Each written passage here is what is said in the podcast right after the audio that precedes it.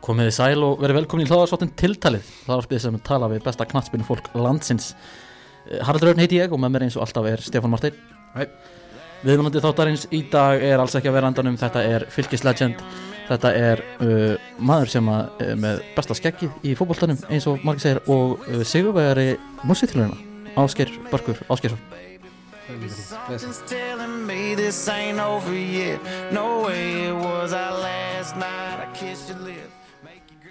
Last Night, Morgan Wallen. Þetta er, þetta er alveg maður sko. Já, Svona dataði sinni í country fyrir nokkum áru síðan og, og hérna ég er reynda bara nýbúin að kynast þessum gauður en, en hann er skemmtilegur sko. Já, já, þetta er, þetta er öruvísi Ég ætla, ég fækt kannast ekki að vita hver, hvað fannst þið stöpum þetta ílengda Ég- ég er- intro? Ég er ánægð með þetta, ég er ánægð með, með country vera vannmyndir öðlind á Íslandi. Já, já, það var svolítið Já. Náttúrulega Spotify Wrapped var að koma út þannig að Stapleton, hann var efstur um mér. Það er það svolítið Það er svo leiðis Það er ekki komið Já. Já, ég ætla ekki að segja hvað ég mi- mitt var sko. Þetta var, svo, þetta var halvandralegt sko. Herðu, við erum í búið Björlands. Var það bassundir?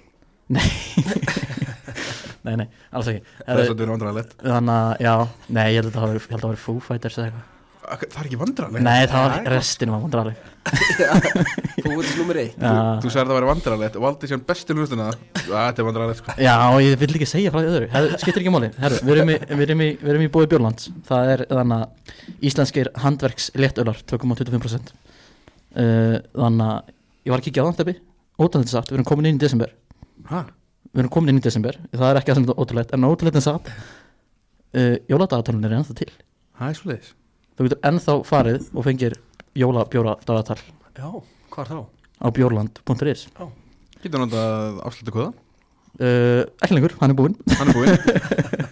En, þannig, en það verður, verður eitthvað, eitthvað þannig uh, já, í framtíðinni. Það var gott að meðan endist. Það var gott að mér endist. Vonandi einhver hann að nýta sér það. Við erum með hérna uh, fljótandi uh, veitingar. Verðum alltaf að fá þetta inn sko. Ægilega góður Þetta er, þetta er uh, handverks léttul Já.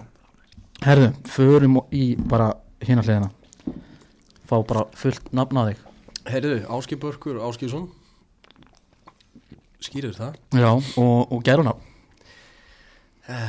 Já, þau eru nokkur sko. Ég, ég er svona venjulega í dag kallaði Börkur Fjölskyldan kallaði mig Aggi. Um, Æsku fjölaðinur Árbarinn kallaði mig Geiri Þetta er svona, já, þetta er alls konar. Já, einmitt. Maður er svona oftast kannski hirt börkur einmitt. Já, svona í senni tíði, já, eiginlega bara Börkur sko. uh, og aldur. 36 ára, 37 á næsta ári. Já, elsir ég náttúrulega bara ný búin að leggja skona á hilluna.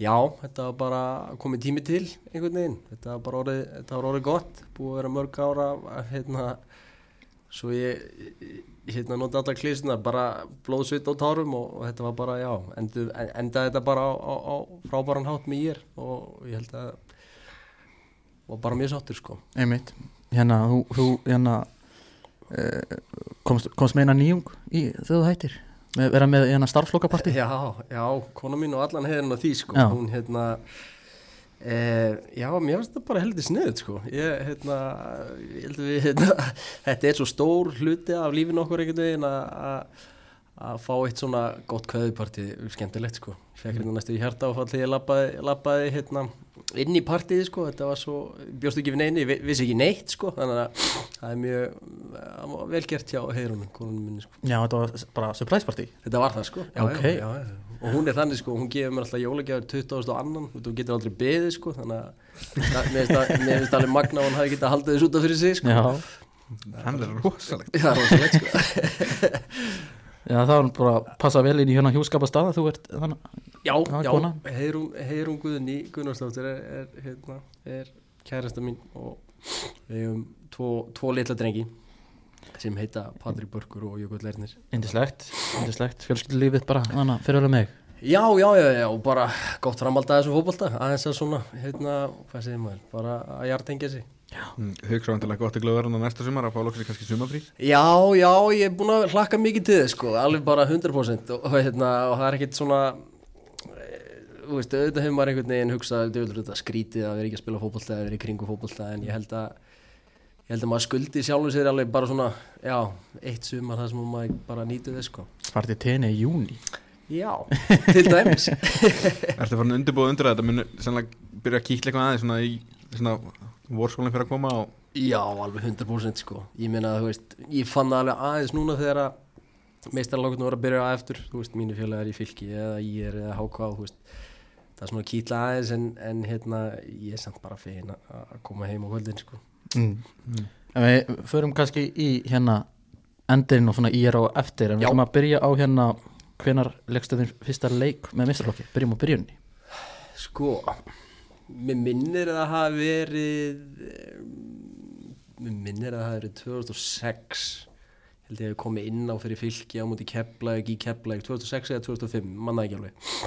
Og svo, já, svo var eitthvað minna um það svo að 2006 eða 7 ég maður þetta, þá fór ég á Selfoss og spilaði svona, spilaði reglulega þar, þá var ég nýgengin upp úr öðrum flóki minni mig.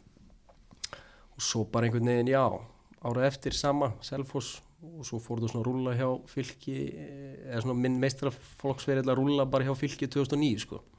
Ég, meit, ég, ég sko, skoðaði mitt hérna uh, KSI síðuna þín á? Sá Selfoss þannig ég bara myndi ekkert eftir því að þú hafa verið í Selfoss. Ég er svo gammal maður. Þetta var hérna, já, þetta var einhvern veginn bara e, ég man ekki alveg hvernig það kom til en, en, en ég einhvern veginn endaði á Selfossi og, og hafa geggjaði tími sko. Já. Hvað, hérna, er þetta bara svona uh, development lán, svona dæmi? Já, ég, ég held það nú sko, þetta var, þetta var eitthvað sem ég fór bara fram úr sjálfur og, og, hérna, og eins og ég segi, man ekki alveg af hverju hvern, og hvernig enda ég á Selfossi en, en, það, en það gerist og, og, hérna, og við fórum upp hana, Þa, það ár úr an, annari dildinni, þri, þri, þriðu dildinni eitthvað svo leiðis. Annar vildin Já, annarri KFC dildinni, já, já, einmitt. Og lendi með öðru sæti eða eitthvað og hérna og voru svo nálægt í ára eftir að fara aftur upp um deild en, en það klúraðist bara á senstu tvein leikjunum með eitthvað, ég man það ekki. Þannig að þetta var, já, Selfoss var góðu tími sko. En ég meina að þú veist Telfoss náttúrulega fóru síðan upp að stundu sinna já, á, var ekki bara ára eftir eitthvað Ég var ekki leis Já, já. Ekki í Já. Já, minni það sko. Þannig að það var svona gaman að taka þátt í þeim uppgangi sko. Einmitt. Og Þú varst að spila með Jónda já, ég, Jónda hérna eh, Vögvilni Gu- Gu- Vög, eh, Gumma um, Sævari Þór Gísla sem er svona, já, legend um, Alltaf fylgisleisins líka. Já, einmitt. Og Ingo, Ingo viðugumæður, hann var líka hana um, og fleiri, fleiri, fleiri gæjar sko. Þannig að þetta var, þetta var hörkulið sko. Já. Uh, Andy Pugh. Já, ok. Hann hann er ennþá að Já, þetta það, það er ótrúlegur sko. Já. Herði þá uppbólds drikkur í búða Björlands upp á strikkur í búðu Björnland sjá. sko ég veit um, kaffi. Já, já, gott kaffi. Að slæði því ekkert út sko þannig að ertu kaffi snopp? Nei, ég alls ekki sko, ég vil helst bara hafa uppáheld sko, Já, bara svart og sögulust já, bara hérna. Bara svoðningurinn Já, það er bara svolítið þannig sko, það bara kemur einhvern veginn öllu kærun úr stað sko, það er bara svolítið Já, já. Ég ætla að fara að segja eitthvað svona lélega þú veist svona kaffiblandara, þú veist I like my coffee like I, þú veist hérna en, bara sleppum því sko við sleppum því. Hérna, uh, en ef þú, eins og hérna núna við ætlum að þannig að það er seinta kvöldi og maður ætlar að fara kannski, er gott kvöld. Já, ef ekki skipt þessu bara niður sko, hérna, dagurinn og mótan það var kaffi og svo Já. þetta bjórun á kvöldin sko. Bara bjórinn? Það er bara svolítið, já, ég er bara ég er, er Já. viski, mér finnst viski allt í lagi. Um, rauðin allt í lagi en bjór, bjór, bjór trompar þetta allt sko. einmitt, það er þannig heiðarlegast, Já, það er bara svolítið hver er þá svona uppbólds matsjólstaðurinn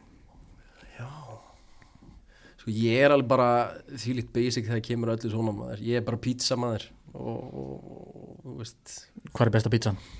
pizzunni Já, ok, Var dommin alltaf en, en svo, svo, já, pizzan er, Aha. pizzan er mínu menn sko. Ekki svo fyrsti sem að nefnir þetta mitt. Ar Arnur Ykvi nefndi Dominos Já, mm. Þú tekur svona, já, hinn staðinn já einmitt, einmitt, þetta er bara einhvern veginn, pizzan, pizzan klikkar aldrei Þetta er bara, bröðstonginar já, það er rosalegar og bara einhvern veginn, þú veist, mann líður alltaf jafn illa þegar maður er búin að borða pizzuna sann sko en, en, en hún gefur mann einhverja svona, Já. gefur mann eitthvað svona. Gekkja á meðanstandur Já, já, Já. það er bara svolítið þannig Herði, uh, hvernig bíl er þetta? Herru, ég er á ég er á Peugeot Peugeot stationbíl ok, með tengdum á með bóksi sko. Já og líka vel. Hann er úrlega bara sko. Já, já, fínt, eh, nóg pláss eh, á hund líka og tvo krakka þannig að þetta, hérna, þetta smett passar alltaf inn sko. Já, þetta er þannig að passar líka við ímyndina sko. Já, einmitt. Rúla á stationbílum einhvers staðar, það er alveg eh, það gerist ekki mikið meira cool sko. Nei, nákvæmlega. Bara passa að blasta eitthvað gott ungar já, já, já, sko. 100% sko. Um, Hver er uppbólds sjónastátturinn? Heru, þeir eru nokkrir, ég er með svona nokkra þætti sem að ég er bara búin að horfa repeat bara, þú veist, öll kvöld frá því ég var svona 20 ára gammal 20, 20 pluss uh, Scrubs Já, og It's Always Sunny in Philadelphia herri, Þannig þú, þú minn maður að- sko. já, þessi, þessi, þessi tveir Hann er að tala saman sko. Já, það er fátt ég, ég, er búin að horfa nú og segja svona fimm ár bara á alla seríunar af It's Always Sunny bara hvert einasta skipti sem ég fyrir að svo sko. Já, ég sopni ekki öðru sko. ég er bara þannig að, Þú veist, af hverju er Disney Plus ekki með nýjustu seríuna? Já, það er óþólandi Það er ógeðislega pyrrandi Gjössamlega óþólandi Ég maður er alltaf einhvern veginn að býða sko Þú Já. veist, ég, ég gríp mig alveg við á kvöldistundum að fara hann inn og, og please, nýserja. Já, ma, ma, ég tekka vikuli á bara já, það er ekki neitt Maður það bara að býða Það er bara aðeins skemmtilegt. Þannig að Sunny Sönni, maður. Já, já, meina Þú ert á, ertu svona laumur ekki samaður þá? Já, já, ég hef gaman að, gaman að Hvað heitir vinnar þess hann? Hinn? Það Rob er veit það Ryan Reynolds Reynolds Reynolds, já. Jú, jú, ég, ég, ég er fan að þeim báðan, þeir, eru- þeir eru stór skemmtileg sko. En, jú, Rexamaður, jú, jú, þeir eru, þeir eru ágættir sko. Já, þannig að náttúrulega bara þannig að ég held að bara loka þátturinn í, í heimilda þáttaseríunni er bara er að fara að droppa Það er svoleiðis. í, í síðan 2 Ég er bara búin að sjá nummer eitt Já, ég er, ég er eftir date sko Já, þetta er, mikið inni sko. þetta er Ég- fínt staf sko Já, þetta er gott stef, ég er búin að horfa á fyrstu þrjá, minni mig. Já, já, hvað er það marga eftir? Tvo, þrjá? Í síðan 2 Já, um, Nei, ég held að hún er nú alveg þá bara alveg 5-6 eftir sko já, vel gert. Alltaf gott að eiga eitthvað eftir sko. Nákvæmlega uh, En svona umfjölduna þættir þá Þannig að horfður mikið á stúkuna og, og hérna og svo Pepsi mörkin þegar gaman það og Nei, ég get ekki sagt það sko Ég, ég hef einhvern veginn aldrei verið það, kannski meira í setni tíð en svona framan af þá var svona, veist, fótbolti og fótbolta umfjöldin eitthvað sem ég bara veist e, já, þú veist, mér finnst þetta eitthvað svo klísulegt, það er svo margir búin að koma í einhver vitul og segja, já, ég fylgist ekkert með fótbolta. Þú veist, ég fylgist alveg með fótbolta en þetta var svona meira ég veit ekki, ég, ég, veist, það var einhvern veginn alltaf eitthvað annar sem að, þú veist e, reyf mér einhver aðra átt í staðin fyrir að, þú veist, ég er í fótboll allan fókinn daginn, sko, veist, og svo bara svo bara kvöldin þá var það bara eitthvað annað, skilur hvort, hvort sem það var tónlistin eða eitthvað þannig að ég hef ekki svona, já, ég veit það ekki ég hef ekkert mikið verið að, hérna horfa að hlusta í, í gegnum tíðina meiri setni tíð samt, sko. Já, en var það, var það ekkert tengdist það ekkert eitthvað svona, þú veist, ef þú áttu góðan leik þá vildur kannski frekar horfa eða ef þú áttu slæman leik þá kannski ekki Jú, kannski, ég veit það ekki alveg það var um, já og nei þú veist, ég hef alltaf alltaf verið með svona fólk í kringum mig bara, þú veist, mamma og pappa og eitthvað sem hafa þú veist, þau eru svona í eldri kantinum og þau hafa verið að lesa morgunblæði gegnum tíðina sko. Já, já, hversu mörg gæfum það Já, einmitt, það var alltaf svona, ég ringd á mótnan eða leiði í vinnuna í skólan og alltaf bara, herði ekki minn, þú veist bara tvö emman á móti káir ég eitthvað, já, er það ekki maður ganga morgunblæðin þannig að ég hef ekki hugmyndið en, en eins og ég segi, ég hef búin að vera með gott fólk í kringum mig sem lætur mig vita ef, að, ef að það er fjalla vel um mig sko. En fylgst lítið með sjálfur, þannig. Já, einmitt. En þá bara hérna, uh, kannski erfið spurning fyrir þig sem svona mikið tónlistamann. Hver er uppáhalds tónlistamæður þinn? sko ég, er búin að fá þessa spurningu svo oft þú veist, í einhverjum svona hérna ekki, ekki beint út á götu en svona í gegnum eitthvað svona þú veist, einhverja hlaðastætti eða ef ég fari í eitthvað viðtali eða eitthvað og, og ég hef einhvern veginn aldrei geta svara þessu en, en ég veit ekki, ég held ég þurfi bara að fara svolítið í hérna fara svolítið í grunninn og bara það sem ég byrjaði að hlusta á einhvern veginn bara, þú veist, í herbyggni á systeminni þegar ég var, þú veist 9, 10, 11 ára eða eitthvað, þú veist og ég held ég, ég held að það sé bara Lenny Kravitz sko. Lenny Kravitz. Já. Það er alveg, já, Það er það er proper king það. Já, ég, ég bjóst við myndi að segja eitthvað sem ég þekkti ekki sko. Já. og það, ég er Lenny Kravitz er gott sko. Já, gott sko. Og, og, og hann einhvern veginn svona bara líka típan sko. Hann, þú veist, eini maðurinn í heiminu sem getur verið í Buffalo sko, leðaböksum og netabólinn samt fyrir cool sko. Einmitt.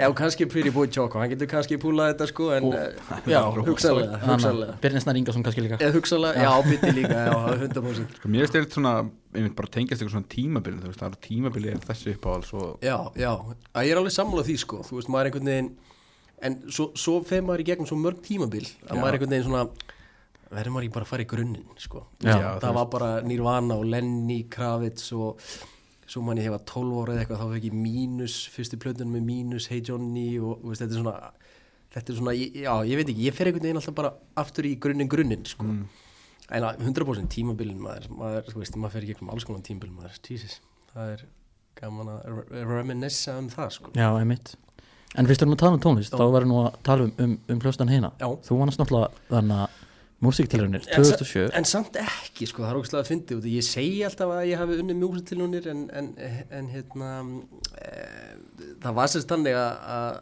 ég var út í, í æfingaferð þegar hljóðastum mín vann músitilunir. Nú, er það þannig? Það var svoleið, sko, og, og hérna, og þeir voru bara með lánsöngvara og, og svo manni þegar ég kom úr vélinni þegar var ég kveikti á símanum og, og grínlaust tíu sekundum setna þá fekk ég símtal fara á gítarleikarunum og hann bara herðu við unnum músiktilunir ég eitthvað, wow, geðveikt maður. Og ég hugsaði bara svona þeir eru búin að reka mig sko. En svo bara einhvern veginn nöyt ég góðsaði við unnum músiktilunir og við spiluðum hér og þar og, og þannig að já, ég vann músiktilunir en samt ekki. Er það ekki samt frekar sko hljómsveitin og lægið og svona sem að vinnur músiktilraunir frekar heldur en en, en eitt söngvari. Já, Jó, ég held það, en svo reyndar átti þessi söngvari alveg einhvern uh, massíft góðan feril í, sérstaklega í svona í bara svona þungaróksferil feril á Íslandi sko. Já og var alveg bara svona geggjaði gaur sko. Þið gáðuð út lag núna í ár. Þetta hefur kannski farið fram í svolítið mörgum. Ég vissi ekki að þessu. Nei, uh, og miða við að þetta er með undir þúsund listens á, á Spotify þá þannig að uh, eru margir sem við ekki á þessu hvað er þetta, my heart, my heart skips a beat. My heart skips a beat. Ef ekki að fá heyr pínu Er það ekki?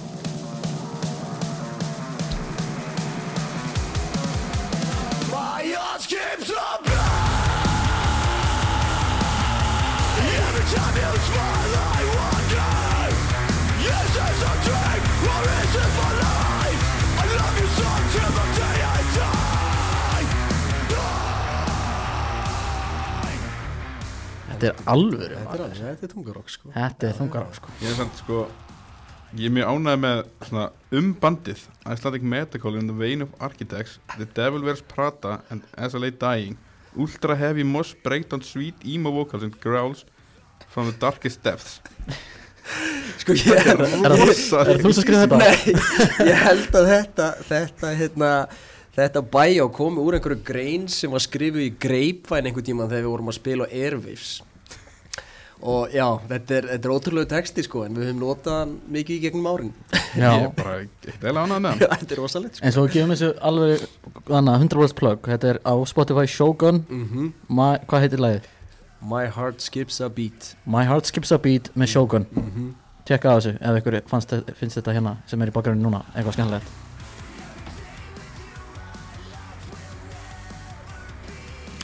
Já. Ef að halda áfram með vel, þannig að Að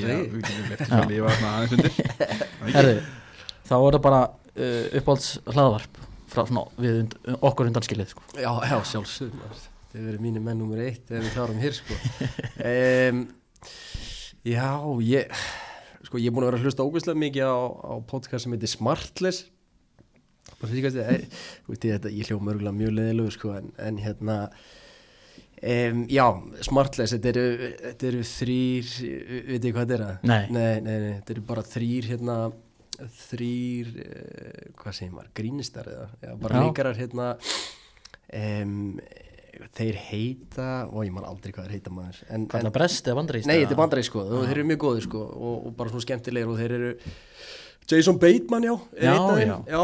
og svo er hérna um, man ekki hvað hinn er heita en allan Smartless heitir podcastið og þetta eru bara þrýr gaurar og þeir fá til sín gesti og já, þetta er mjög svona, þeir eru með góða kemistri, þeir eru skemmtilegir. Svo uh, já, þú veist ég er alveg svona Jórókan maður aðeins, veist, ég er svona gaman að einum og einum þætti. Svo, já.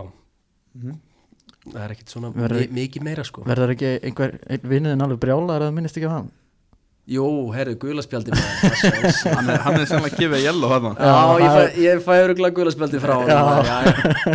En ég hef ekki segið það, smartlegs Jórókan og, og hérna gulaspjaldi Já. Smartlið er Jason Bateman, Will Arnett og Sean Hayes Já. þetta er gott line-up maður Þetta er rosalegt lenni, Já. þeir eru hilarjur sko. en við, þannig, við erum líka við erum líka þannig uh, hrifnir á gullaspjöldinu þannig að góður, góður vinnur okkar Arnóguti hér er stundum Já, alveg rétt, alveg rétt, Hann er með góða, hann er með góða menn í kringu sig þarna Þeir eru, eru, eru Já, þeir eru allir mjög, mjög skemmtilegir sko. einmitt, hann að uh, já, bara góð hlaður hver er finnast Íslandingurinn? eh, Sko Hann hérna Hvað heitir hann um, Svona í eldri kantinum Eggert Þorleifs eða eitthvað Hann að í, skipta sem var í hérna lífmyndunum Já, já, já, já, hann er finnast í gauður í Aki Pó. Já, já, finnast í gauður í heimi. Og svo hann hérna ég er svo liðlega með svona nöfna á einhverjum Hann eldri ekki í- sko. hann var Aki Pó í Sotoma Þetta er þessi já, hérna ég mistari, er bara sko. alltaf langt að sóta maður sko. Já, þessi. Já, hann er geggjaður sko. Þetta er geggjaði gauður og svo hérna gauður sem leik hérna í hérna mannarsegi gils hérna Halldór Dóri Gylfa? Dóri Gilva maður. Þeir tveir eiga, þeir eiga hann að marka fyrst mér sko. Já, já, þetta er, þetta, þetta er alltaf ný sjátt sko. Að að ekki Kitty Casio er náttúrulega vannmyndinu Já, já, það er bara svo liðis Já, en þannig að bara ég fíla að þú, þú, þú, þú tókst, þú fórst ekki í fyrir blöðu eins og allir. Nei, ég hef ekki, ég hef ekki alveg náða að hlusta nógu mikið á það gengum tíðina en, en, en þeir eru samt alveg hilaris líka. Já, já, þetta er enda mjög, mjög góð sjátt að þér þannig sko. Uh, Er eitthvað lið uh, bara í heiminum, ekki að vera Íslandi sem þú myndir aldrei vilja spila með. Nei, Ekki, nei. Ég einhvern veginn, þú veist ég, Sko, ég, ég þráði það alltaf hérna back in the day þegar ég var með fylki að við værum með einhverju svona að það var einhverju svona darbileikir og eitthvað svona fá einhvern þannig fá einhverju þannig tilfinningar sko en, en það náttúrulega gerist aldrei þú veist, fjölnir og leiknir þú veist það var aldrei neitt, þú veist, það var engin svona darbi fílingur yfir því þó þeir væru, þú veist sikkur um megin við okkur sko mm.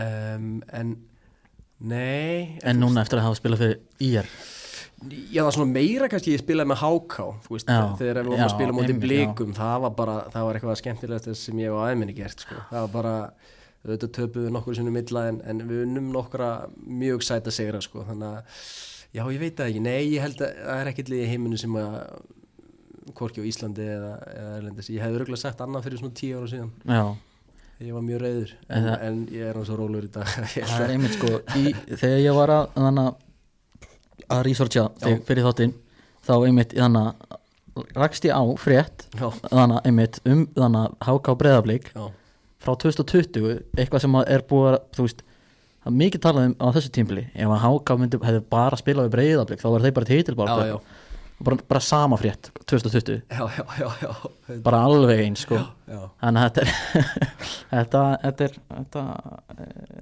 á við í gegnum árin. Já, ég held það sko. Ég held það, þetta var, þetta var En þá þegar þú varst eins og yngri Hvað var svona uh, Gast ekki séð fyrir þá að spila fyrir? Sko, þegar við vorum yngri, það voru alltaf að spila við þegar að fylki erum með svona minn árgangur, það voru alltaf við vorum mjög góður svona fram að 11 manna fótbolta og þá var svona, já, ég held að Káir hafi svona verið okkar helstu keppinöndar sko, Theodor Elmar og, og, og fleiri góði menn, þeir hérna mm. þeir eru nokkuð nú venjulega eiginlega alltaf, en, en við, kreistum út svona nokkra sigra hér og þar, þannig að þeir voru svona, já, þeir voru svona mínir vestu óvinnir á yngri árum sko. Það er líka allir káir Jú, það er svona, það er svona lenskan svolítið sko, en, en, en hérna, nei, nei, þú veist. Og náttúrulega frá Bara í upphafi aldamóta Þá, þá náttúrulega var Rimman á milli fylgis og káar alltaf svona hún var enda rosaleg sko. Við hafið séð vídeoðana þegar að, hérna, e, ég man ekki, ég held að við höfum tapa, tapa þannig leik, þetta var fylgisætli, þetta var lengur fyrir minn tíma sko, þegar að, hérna, e, sko, vídeoklippan er eitthvað mínúti eða eitthvað, þetta, þetta eru bara einhverja svona þryggjafóta tæklingar út úr hotfonna og eitthvað svo leiðis. Hafið séð þetta? Nei, ég get ekki það. Nei, þetta er mikið, allan þetta er mikið postað af svona árbæðingum og fylgismönnum sem ég er með á Facebook og þeir eru alltaf, já breyðir sko, postuðs alltaf einu svona ári. Já, já, já. muni eftir, þess, eftir þessum leik. Þeir náttúrulega voru þannig í, í hvað ekki, 2002 allavega grátlega nála því að, að landa titli. Já. Það voru mitt káringarnir sem að sem eðilaðu það ég, ég maður með sér nafni á görnum sem eðilaði Jón Skaftason eða eitthvað, mér minnir að það að hann leikmaði Káar sko. En þannig að já, við vorum ansið nálægt í þessum tíma en, en, en Káar eðilaði það. Hann þarf að læsa hurðunum þegar hann gerir ekki um árabæin Já, það er alveg 100% sko. Hann er ekki velkomin sko, ég manni mitt eftir því bara þegar ég var að byrja að fylgjast með íslensku fótbolta þá var mitt var fylgir rosa mikið í topparatunni Já, já, það var hérna þeir eru náttúrulega byggamistara hvað? 2001 2001 og 2002 Nei, eru Nei, bara það var 2001 ekki 2000 og 2001 2000, 2001, já, já, já, einmitt. Þetta voru svona, já, þetta voru svona glory, glory days og fylgirinn árbær sko. Teng, Tengdafum með hann spilaði til liði. Í alvöru, hver er það? Stengur mér Jónsson. Já, the goat Já, Gekkjaður maður. Já, heldur betur. Hann hérna um, Já, ég meina þú veist Sákur hann alltaf ótrúlur Ótrúlur markaskorari og, og hérna og, fle, og þú veist fleiri í þessu liðan ég er að reyna að muna sko hvaða gauðra voru þarna. Sverri Sverris Sævar, Kjarla Sturlu og Valafóna Gísla Gunnar Þó Pétursson. Um, Já, það voru, mikið að skemmtilegum gauðrum hann sko. Ég er að hvað hann er ekki Valur Ingimunda? Eh, Valur Fannar var, Valur Fannar Gíslason var að Já, Ég, Ég er er að spila með honum. Valur Ingimunda, hann er í körfinni Já, það er, kör, það er körubóltalið ég, ég er engin hjálp sko. Ég, ég, ég er yngstur hérna á okkur Ég, er- er að Ég, tveimur man, man sko. eftir þessu liði og ég meira þess að ég á nokkra treyjur Já, tíma. Já, Þú átt náttúrulega bara líka treyjur af öllum. Svörtu, svörtu og appisnugulu hérna. Já, já. Já, vá. Geðvik Já, það er leitindir í treyja maður. Við þurfum einhver tíman að fara að upplöstur það hérna tiltalinu þennan treyjusarni þitt þannig steppi sko. Það er orðið full stort Þetta er mest, þetta er mest treyjuperri sem til á landinu sko. Bara íslenska treyja þú líka Já, bara, já Kekja maður. Það er ekkert fallar en svona góðar klassíska treyjur sko.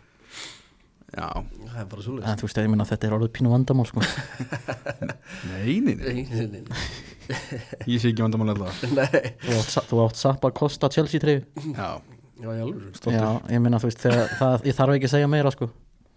Ég og fleiri það Ég og Watford Troy Dini Nei, ekki Dini, ég og Dukure Já, já. Það er þetta bara cool. Ég er og líka. Bormóð Harry Wilson Já, það er gott. Það er alveg líka Ég hef alls konar eitthvað random kallar sko. Herði, hérna, höldum áfram. Uh, Hver er besti leikmaður sem þú hefur mætt? sem ég mætt? Já já þeir eru nú búin að vera nokkur Óskar Örning gegn í tíðina var náttúrulega algjör svindkall og við erum enn sko. Um, um, veist, Trygg, það var Tryggur Guðmund það var alltaf erfitt að spila með hann. Alveg hundleðilegur um, um, Hvort finnst þér svona uh, Hvort finnst þér finnst skemmtilegur að mæta einhvern svona uh, Þú veist, einhvern sem er svona ógeðislega góður í fótbolta Eða einhvern sem tekur baráttuna til þín eins og þú tekur baráttuna til þeirra?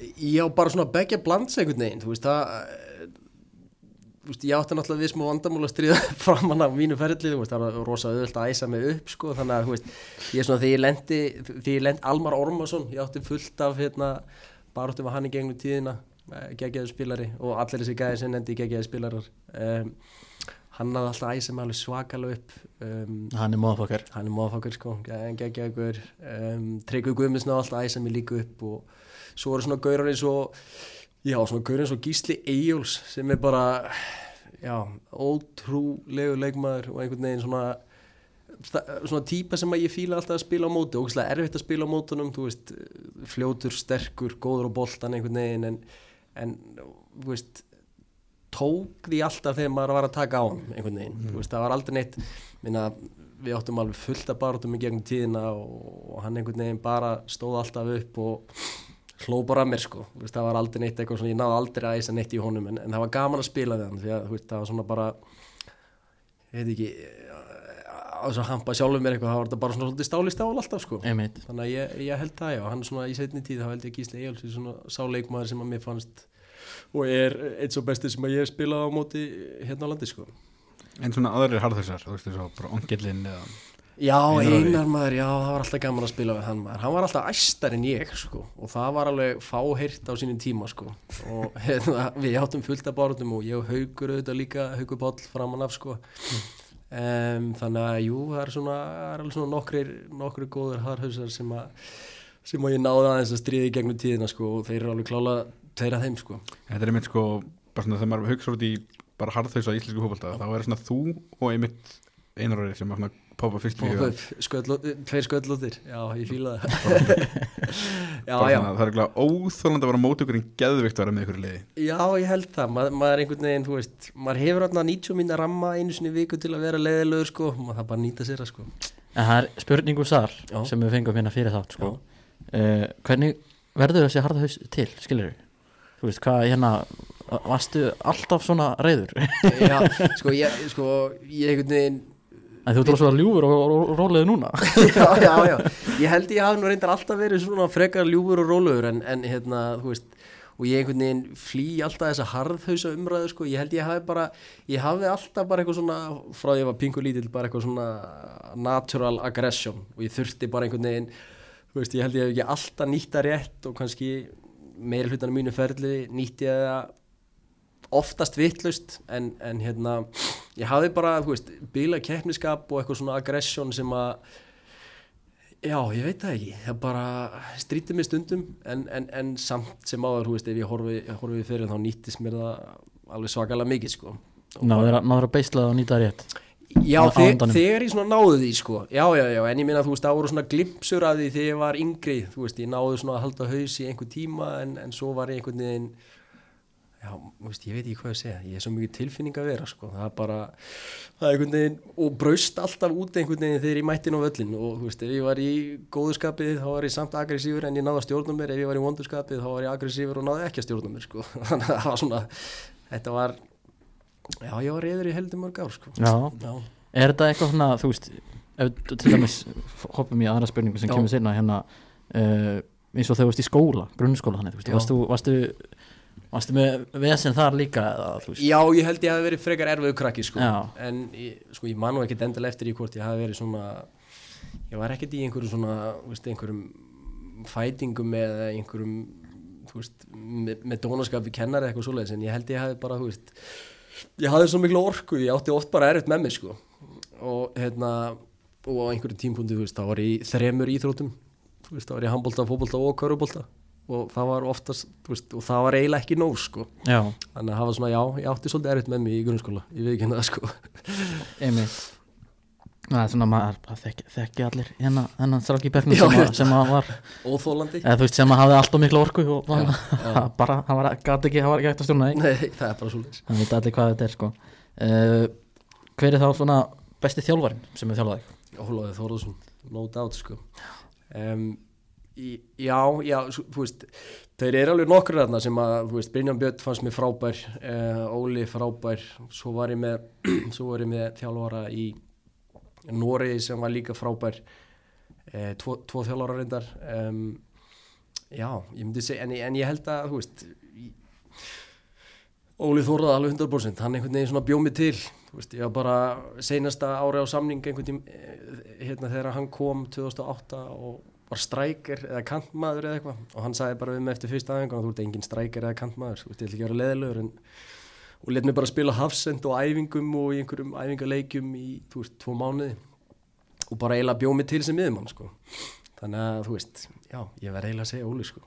Hann hefur kannski skilið þig líka svolítið hann, er, hann, var, hann var líka svolítið kom, já, svona combative. Já, já, en, en það, sem að, það sem að ég dýrkaði af Óla var, þú veist, að hann var og er, þú veist við vorum að tala um aðan, þú veist, harð haus og þú veist, af, af gamla skólanum, þú veist, hætti að notið orð sko, þá, hérna, þá var hann samt svo einhvern veginn veist, hann vil alveg bóða þetta ekki að ég sé að segja þetta, en hann var svo ljúður sko, þú veist, hann var bara hann hafði svo frábært svona maður og mann hérna, element, þú veist, hann bara einhvern veginn já, hann einhvern veginn náði 100% úr manni alltaf. Einmitt.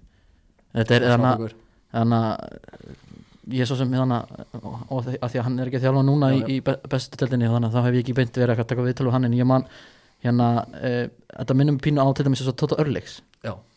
Þannig að hann er svo svakalega erfiður getur verið í viðtölum og svona alveg bara þú veist, en það segja allir sem hafa spilað undir honum bara, hans, bara besti þjálfari, bara ever. hver einu einustu maður. Ángurins, ég hef heyrt svo marga tala um Totta sko því að maður náttúrulega spila á mótunum svo oft hérna í den sko og maður var alltaf bara tjóðlega er hann skrítinn maður svo bara talaði með, tala maður við Gaura sem að hann þjálfaði og voru allir bara meistari, Já, snillingur það er, gre- þú veist, það er- þetta er greinilega bara þú veist, þetta, ma, eh, Óli Þóraðar Já. og Tótti Örleis þeir eru að sína okkur eitthvað í fjölmiðla Já. sem að þeir eru ekki sem að, og síðan sína þeir aðra hlið, þú veist á 100%. æfingasvæðinu sko. 100% Er ekki að fara fyrir, fyrir hérna Óla Jó líka Þarna Já, hann er samt ekki svo mikil harð þau skilur við svo þeir.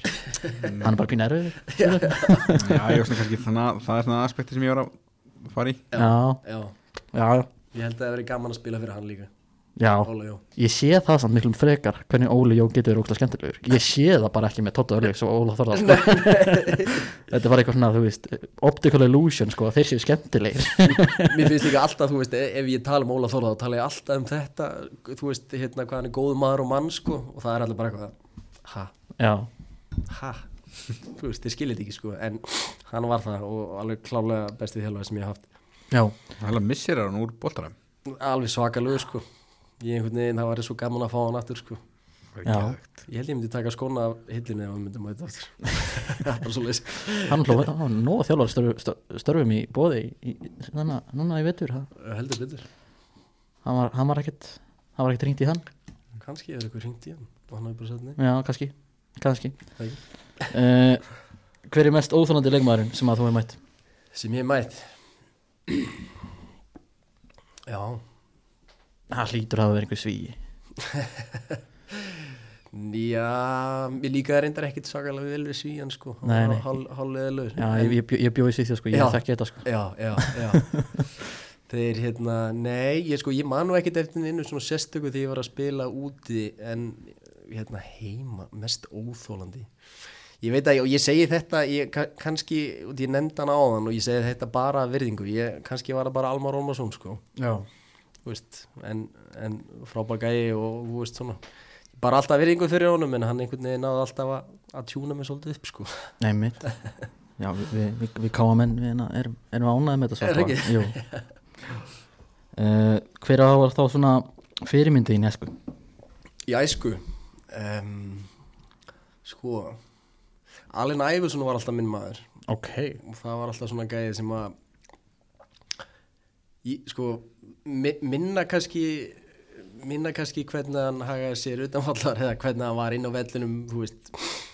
En, en það var svona bara þetta element veist, hann var einhvern veginn lítill en samt ótrúlega góður sko. Og ég einhvern veginn, já, ég einhvern veginn svona það reyði mig alltaf svolítið sko hvað hann gætt djöblast og hérna látið finna fyrir sér. Svo svona fótboltalega séð, ég þú veist Gattuso, hann alveg reyð mig hann var alltaf svona einhvern veginn ég veit ekki, já, hann var svona hann var svona sáleikmaður sem ég alltaf hvað, eh, veist, hafði hvað gaman hvað mest gaman af að horfa á sko. Og, og það var einhvern veginn bara svona þetta passion og, og, og og því ég hugsa um það núna svona einhver blandala við svona Gattuso kannski var það bara það sem ég var að reyna að vera framan af sko veit, ekki, hvort það sé gott eða slæmt Nei, sko það er alveg hægt, alveg hægt að að líka eitthvað saman á, á, á marga við sko. já, já. þannig að það, já, svona þessir, þessir, þessir tveir voru alltaf svona í miklu, miklu uppóldi sko sometimes it may be good and sometimes it may be shit. Yes, Já, það er svolítið þannig. Já, það við maður.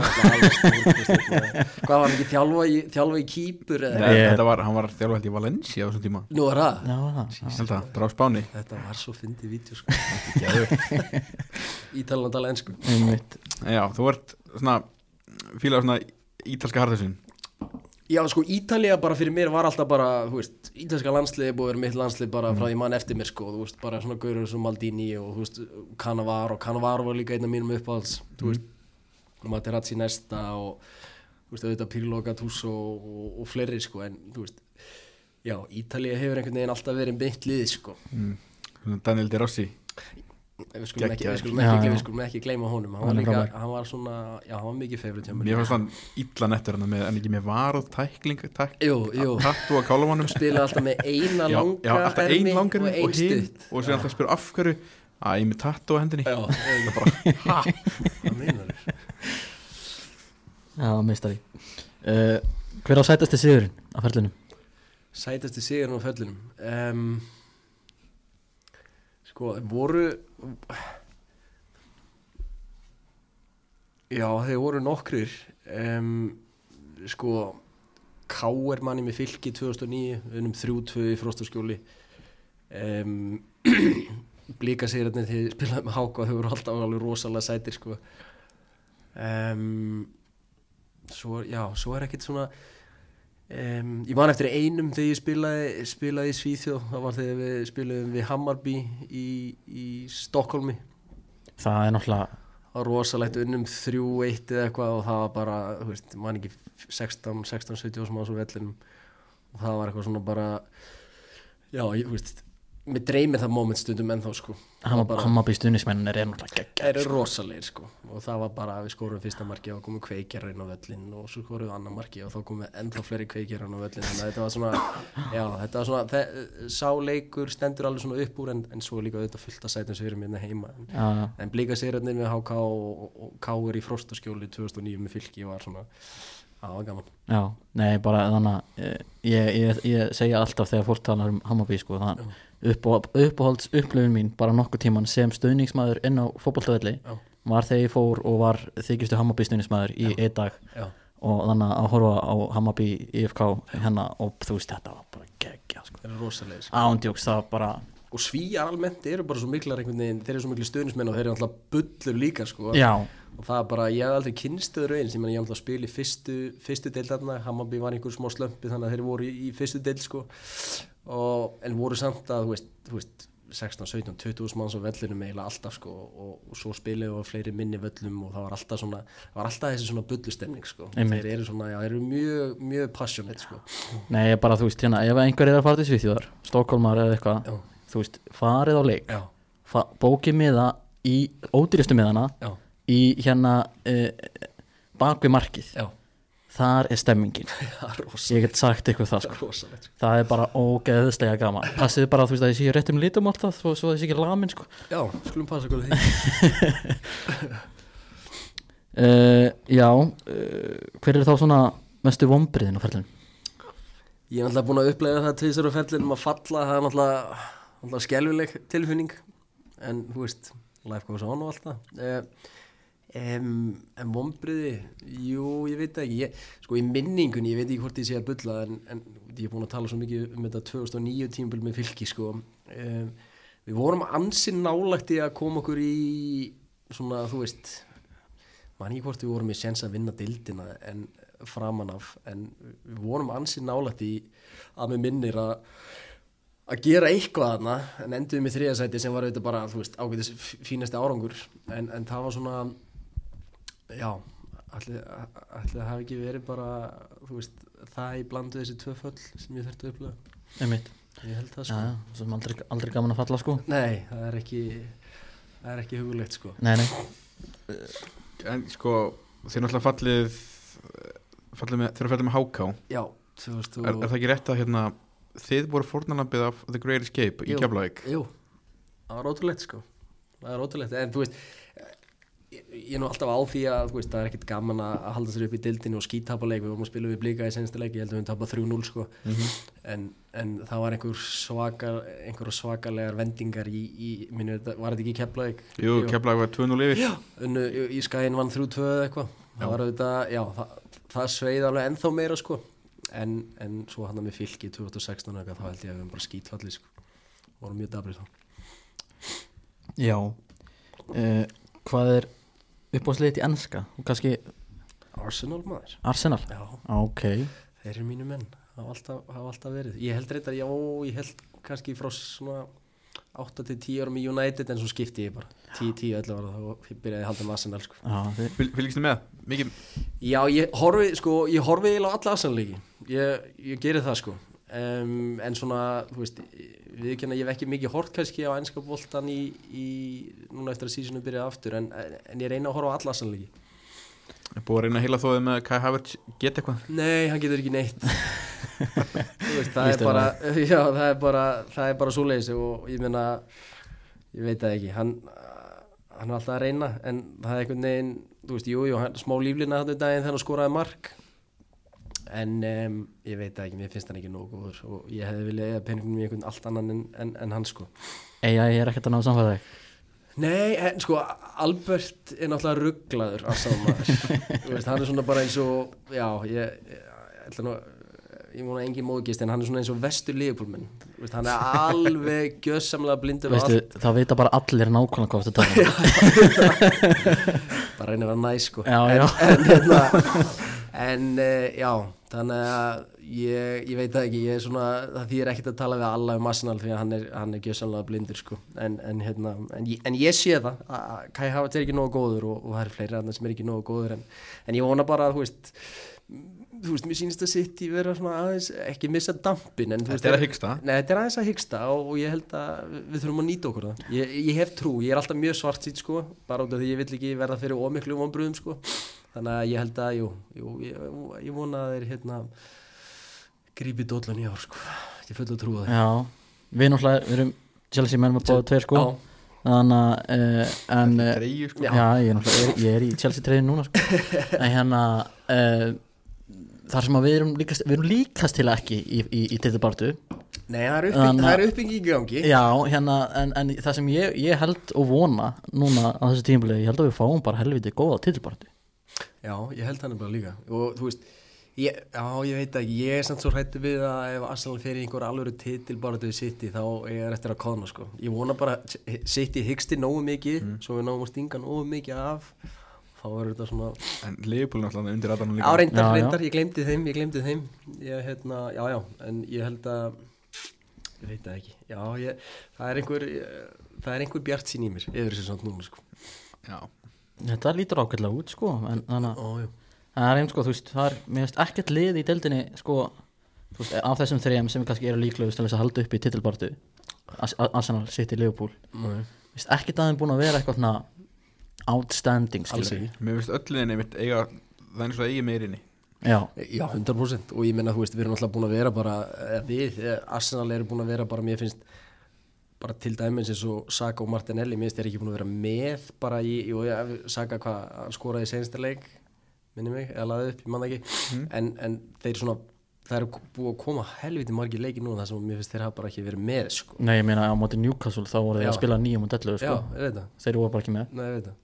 Þannig að þú veist að þeir eigi inni Bjartsít, þeir heyri hvað ég Bjartsít já, já, Já, það heyri ekkert annað sko. Nei. Það er, það er kannski einn hens Leopold sem var svona er kannski svona að spila svona næstum næst svona kannski síni getust í Já. já, já, einmitt. Já, hugsanlega. Já. Það verð, þetta verður gaman að sjá. Já, en ég var að eitthvað við fyrir tímabil ég sagði það alltaf, Havert sér alltaf mínus einn í markatölu það í hvernig leik sko. Já, ég meina, en ég meina, þú veist, mér finnst líka bara svo að umræðan sé, þú veist, að menn séu, ég held að menn, er ekki menn bara troll, þú veist, er ekki, ég þarf eiginlega að heyri í Alberti, hann er, þú veist, er hann ekki bara í einhverju endalösu trolli eða? Ég, ég, ég, ég er náttúrulega í veðmáli við við hérna, en það er ekki Albert. Nei, Jón Kára og, og Gunnar Virgis Já, Já, ef, hann fyrir mörg þá geðum Kai Havertz treyju áttu hvað, hvað har þetta reyða? Já, ég er tímiður ok. en það er ekki að gefa massan treyð þá Ekki það, ég var að geggja að vera í Kai Havertz treyjunni þegar við tókum Champions League dáluna Já, reyndar, reyndar. já, já, Það ég það inni. Eða, já, ég sko, Hann kom með hana ég er að segja það, hann, hann, hann kláraði það og og er ennþá að lifa á því ég held það. Fældi ég það. já, Æ. það er svona þannig að uh, nei, ég hugsa sko bara þú, veist, þú ert sjálf séður raunsær Arsenal maður Já, jú, ég, ég er mjög svart sýtur aðsælumæður og hef, hef einhvern veginn alltaf verið sko, en það er bara því að þú veist, þeir, þeir eru svo gjarnir á að hérna bregðasmanni svolítið. já, þú, uh, þú minnum pappi líka Já. sko, þú minnum mig mikið á hann sko. Já, pappi já. er einmitt, hann er svipaður þér sko, En, en þú veist, það er hægt að tala um hann í fótbolta Já, já, já, já, einmitt, það er svona, þú veist, við, þú veist ef Arsenal fær leikmann, þú veist, ég tala við Albert um það, þá var það, þá var það bara næsti besti leikmaður í heimi, sko, og skiptir engum máli hver það er, sko, já, já, og við svoleiðismenn nenni ég ekki að tala, sko, nei, það er svona sérstaklega ekki með Arsenal. Nei, þú veist, Steppi er reyndar alveg næstu í svona þegar það kemur að Chelsea sko. hann, heldur ennþá að við séum frá um ennum titil sko. Og þeir eigum útrykinni, Við hefum tölfræðilega mögulega já, það er bara svo leis, Við höldum í það. Hver, hver á að stoppa okkur Steppi Ég sé það ekki. Þið, þið sjálfur hugsanlega, en Já, er Já. Nei, ég, ég, ég, ég leif ekki stefna að gleyma þessari línu. Hann, hann, hann sagði þetta í uppbytun og þætti fótboll.net hérna. Ég sé, ég sé krosstoppi Það er auðvitað að hlæja eftir okkur 11 leiki. Já, Það er átjóta leiki Já, mót þetta er marathon sko. Já, já. Það er það stendur Jackson aftur á tverjum minni sko. Já, kongur. Herðu, hérna, ef þú fengir að velja einn leikmann úr öðru íslensku liði Já, í þitt lið, hvað er að segja að það sé liðið þitt? Se, Nei, segjum bara, þú ert að fara í eitthvað lið. Já. Hvern tekur með þér? Já, já, ok, ok. Gott, góð, hérna, Já, já, vel gert. Ok. Hvað tek ég með mér? Bara, njárvíkingar er að sæna þig. Ok, Hvern tekur með þér í njárvík? og ég má velja eitt með mér? Já.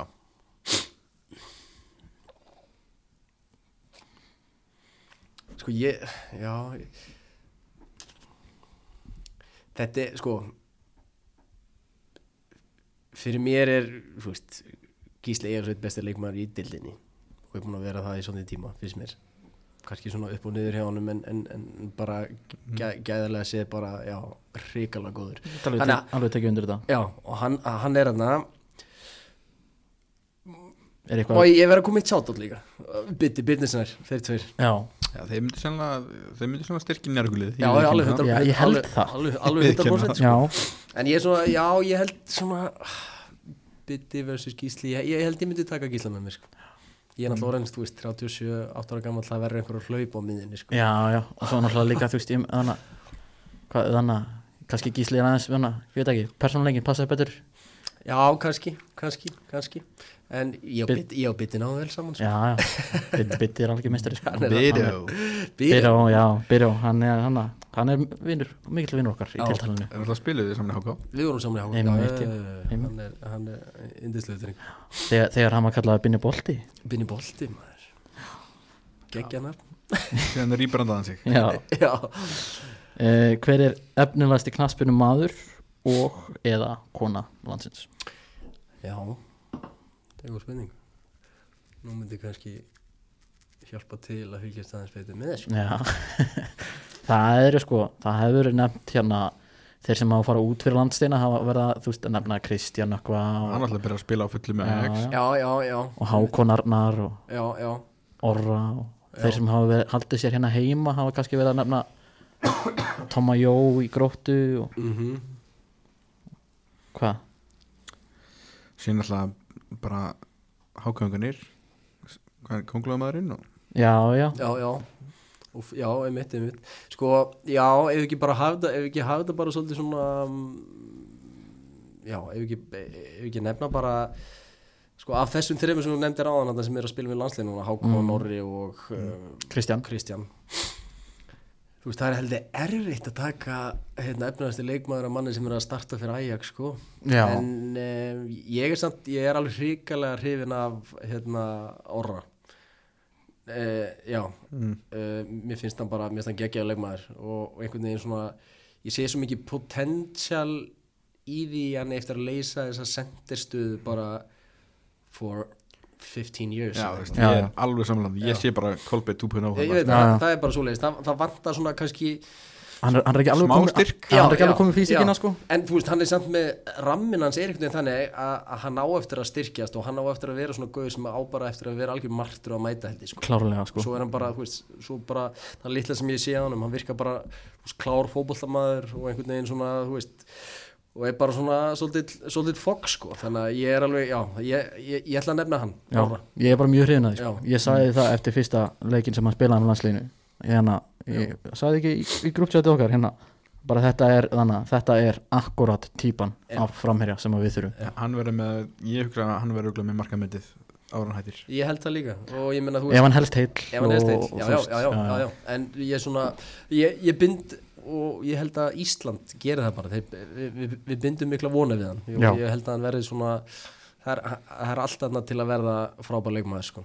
Ég hugsa það sko þannig að hann er maðurinn Já, uh, hver er fallegasti knaspinumærin á Íslandi? fallegasti ok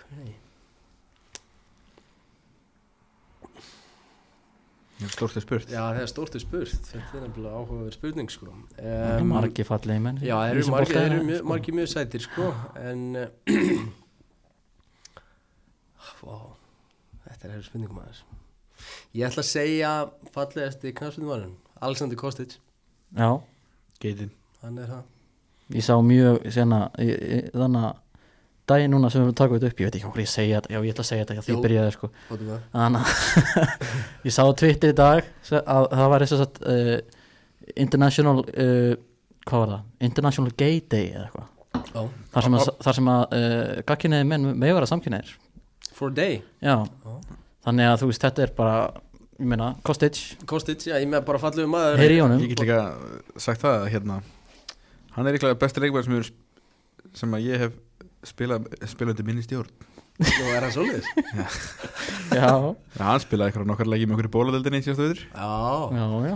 Alli Kostic er besti fótboltamaður sem ég hef æðminni spila með sko. það er bara ég held sko við áttum mjög fallegt samband í sumar. Ég, ég held að sko þegar ég kom þá held ég að sko ég held að, mér minnir að því ég kom á fyrstu tværa eða eitthvað þá heilsaði mér ekki sko. Því ég held að hann hafi rúglega haldið að ég var algjör hálfviti sko.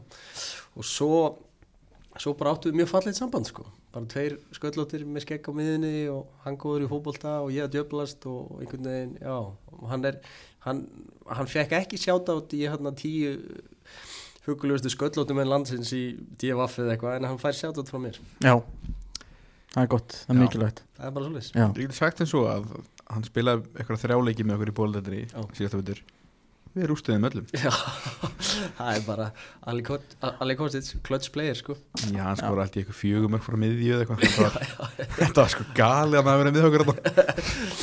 Geggjaður. en hérna uh, kona þá, hver er svona myndalegsta með kona? Myndalegsta knaspindu konan þú veist, ég er ekki allir búin að segja Eli Metta já, einhverjum nokkri sagt það sko. Já, þetta er svona, það er, þetta er svona Þeir sem er ekki að reyna að vera different. Já, já, já, já, þeir nefna eitthvað annað. Já, já. Um, Hún alltaf kom til okkar. Hún kom til okkar og hún er, hún er Chelsea að- Nó, já, já, Já. já, ná vel saman. Ég, þetta er, þetta er góð spurning. Ég ég veit það ekki maður. Fallegasta knaspinu konan, já. Elín er náttúrulega bara mjög gott og gilt svar sko. Jú, en ég sk- Á, ekki, ég, ég hendi bara í glótis Glódís er líka mjög falleg. Það er alveg er fær, fær það vót frá mér? Herðu, Mhm. Uh, hver er besti knatsvinnmaður frá uppáði? frá upphafi? Um, wow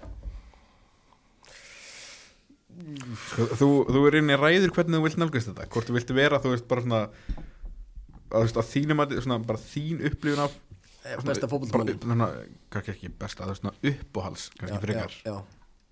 Ég, sko, ég, Rétt, rétt áður hann byrjar?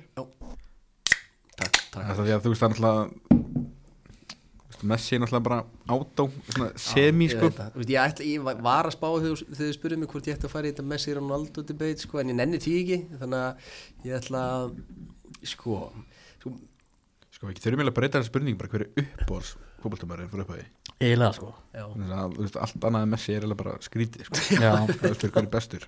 Þetta sko, já það þarf að vera alveg PBT eins og hérna, eins og Nadia og Bitta sko til þess að velja Já, hana Messi er náttúrulega valdi, nei, Messi Þannig að Byrnist er náttúrulega valdi Ronaldo bara í mótrá að sjálfsögðu, Já, já. Biti vill vera öðruvísi. Við að að fagna honum fyrir að vilja vera þannig sko. Og hann er það. Hann er það. Og, og við bara elsk, elskum hann Já, fyrir það. hann rokkar það vel sko. Um, Shit sko. Sko, já, ok Tökum Messi burtu út úr, út úr jöfnunni sko. Ég veit það ekki Svona, sá leikmaður sem ég hef alltaf hvað mest gaman að horfa á veist, eh, sem arsalmaður Henry bara sem svona fótbolta unnandi síðan þetta er svona tveir mjög þokkafullir leikmenn. Einmitt. Allt sem ég ger á vellinum var einhvern veginn svona áreyslu lust og, og já. Og ég kannski glimt að nefna á með svona leikmann sem ég horfði mikið upp til sem er mikið favorite og var alltaf Patrik Vieira sko. Já, hann var þetta bara ótrúlega leikmaður en, en ég held að svona, já, Henry, Henry og Zidane fá svona, fá svona að deila þessu sko. Þú, þe og þeir náttúrulega, ég veit ekkit hvaða titlum þeir unnu, þeir unnu báðir erfu kemnina erfu kemnina landslega og, og World Cup, Jú, jú er það ekki? jú, allavega ekki. Þeir eru 98, Já, frakkar og 2000 Einmitt. það er ákveðin sko credential Já. sko þannig að ég held að þeir tveir svona þeir fá að, þeir fá að haldast í hendur með þetta bara. Já, mm. þetta er bara, að, já. Sko ég sé til dæmis eins og þessu Invisible Arsenali já, þá sko wow. Robert Píris, það var alltaf minn maður. Ótrúlega maður. Freddi Ljungberg Ég var, já, Jung, það var Jungberg var minn maður sko, hana, Ljungbergi var geggjað þegar það var með rauða hannakampin því Wenger fekk hann frá Halmstad. Einmitt Já, þetta er að rugglaði sem ég veit um sko. Halmstad, by the way, liðið sem að Höskuldur Gunnlaugsson spilaði með já bara svona til þess að segja ykkur kaliberna á liðinu þetta sko. var náttúrulega rosa mikið svona bara hérna back in the day þú veist eins og Chelsea fekk, Torrendur Fló frá Sogndal, Já. Hemmir Heiðars fór frá IBF til Crystal Hallas Palace já ég held að já þú veist já, Þetta já. gerist ekki, maður þarf alltaf að taka millistökki í dag sko. þú þarf alltaf að taka, þú veist millistök, Holland þú þarf náttúrulega að taka svona já, fjögur stök núna, fjögustökk sko. reyndar, þetta er alveg svona þrýstök já, já, Chelsea svo sóttu náttúrulega í einn af þessum 90 leikmennum sem þeir sóttu á síðast tímili já, það var eitt frá Molde. Eitt frá Molde. Já, já. og það var alveg bara, hvað er það að gera? já, þetta. Hann, hann líka fór bara beint á lán til Un- Union Berlin það og, var og kemst ekki inn í liðið. spilaði ykkur á þrjá leikið kröftuðu maður, alveg svakalega kröftuðu gæði samt. Hann var ekki Ah, sendir, sendir inn hann Jú, hann er búin að góður í mestrarildinni sko. já, einmitt. Já, eru júniun í mistadildin já, en þeir hafa ekki, þeir hafa ekki, þú veist, þeir hafa alltaf unni leik í, í þú veist, Ég í held sex að mánuði sko. Já, já, ég heldur hafi ekki svona leik í mestrarildinni þetta hefur verið svona rosalega mikið næstu í já, einmitt. Já. Uh, já, en hver er þá svona besti slash uppbólds íslenski leikmaður minn? Já, of all time?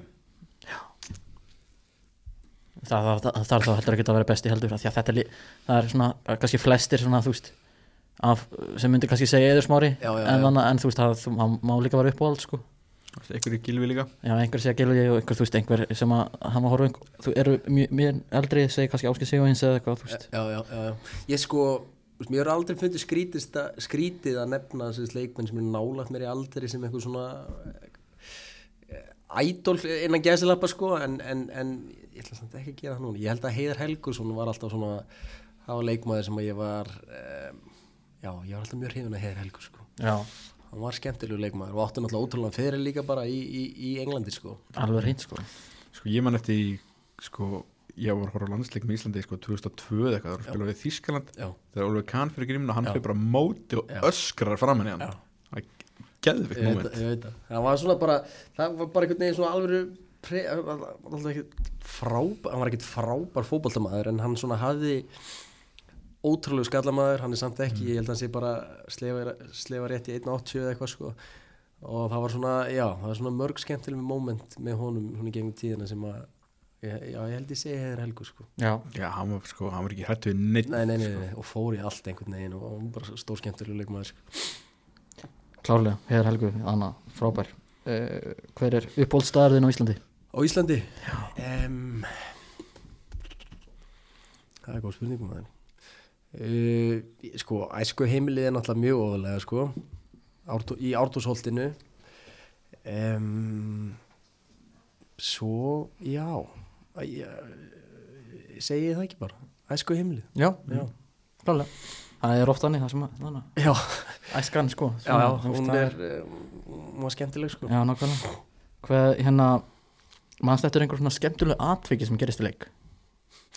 Já ég var, hérna, ég var að hugsa þetta með þessum daginn sko. það var fylgir haukar í árbænum Mér minni, þetta var 2010 eða eitthvað.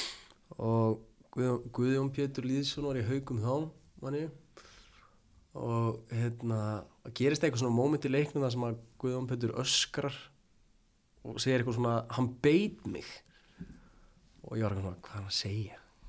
Og var eitthvað svona, var að sína dómarunum eitthvað far sko og ég var einhvern veginn svona sónaður í leikin þannig að ég var ekkert að spá í þessu sko. Ég segi bara hvað er að bylla maður? Svo vinnum við leikin minni mig 2-0 eða eitthvað, kom inn í klefa. Valur Fannar Gíslason sem er, eh, veit ég hvað það er? Mhm. já já, legend.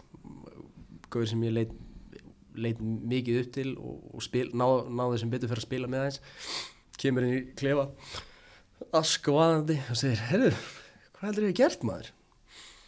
Ég beit Guðjón Pétur þannig að þetta var svona já, þetta var svona eitthvað súrealist moment, þetta var alveg bara út af því að hann var svona gaur sem að var bara, veist, alveg trillturinn á vellinum og veist, setti alltaf tóninn og einhvern veginn bara svona svo var hann bara, þú veist ljúfasti gaur utanvallar og var svona, þetta var svona típist fyrir hann.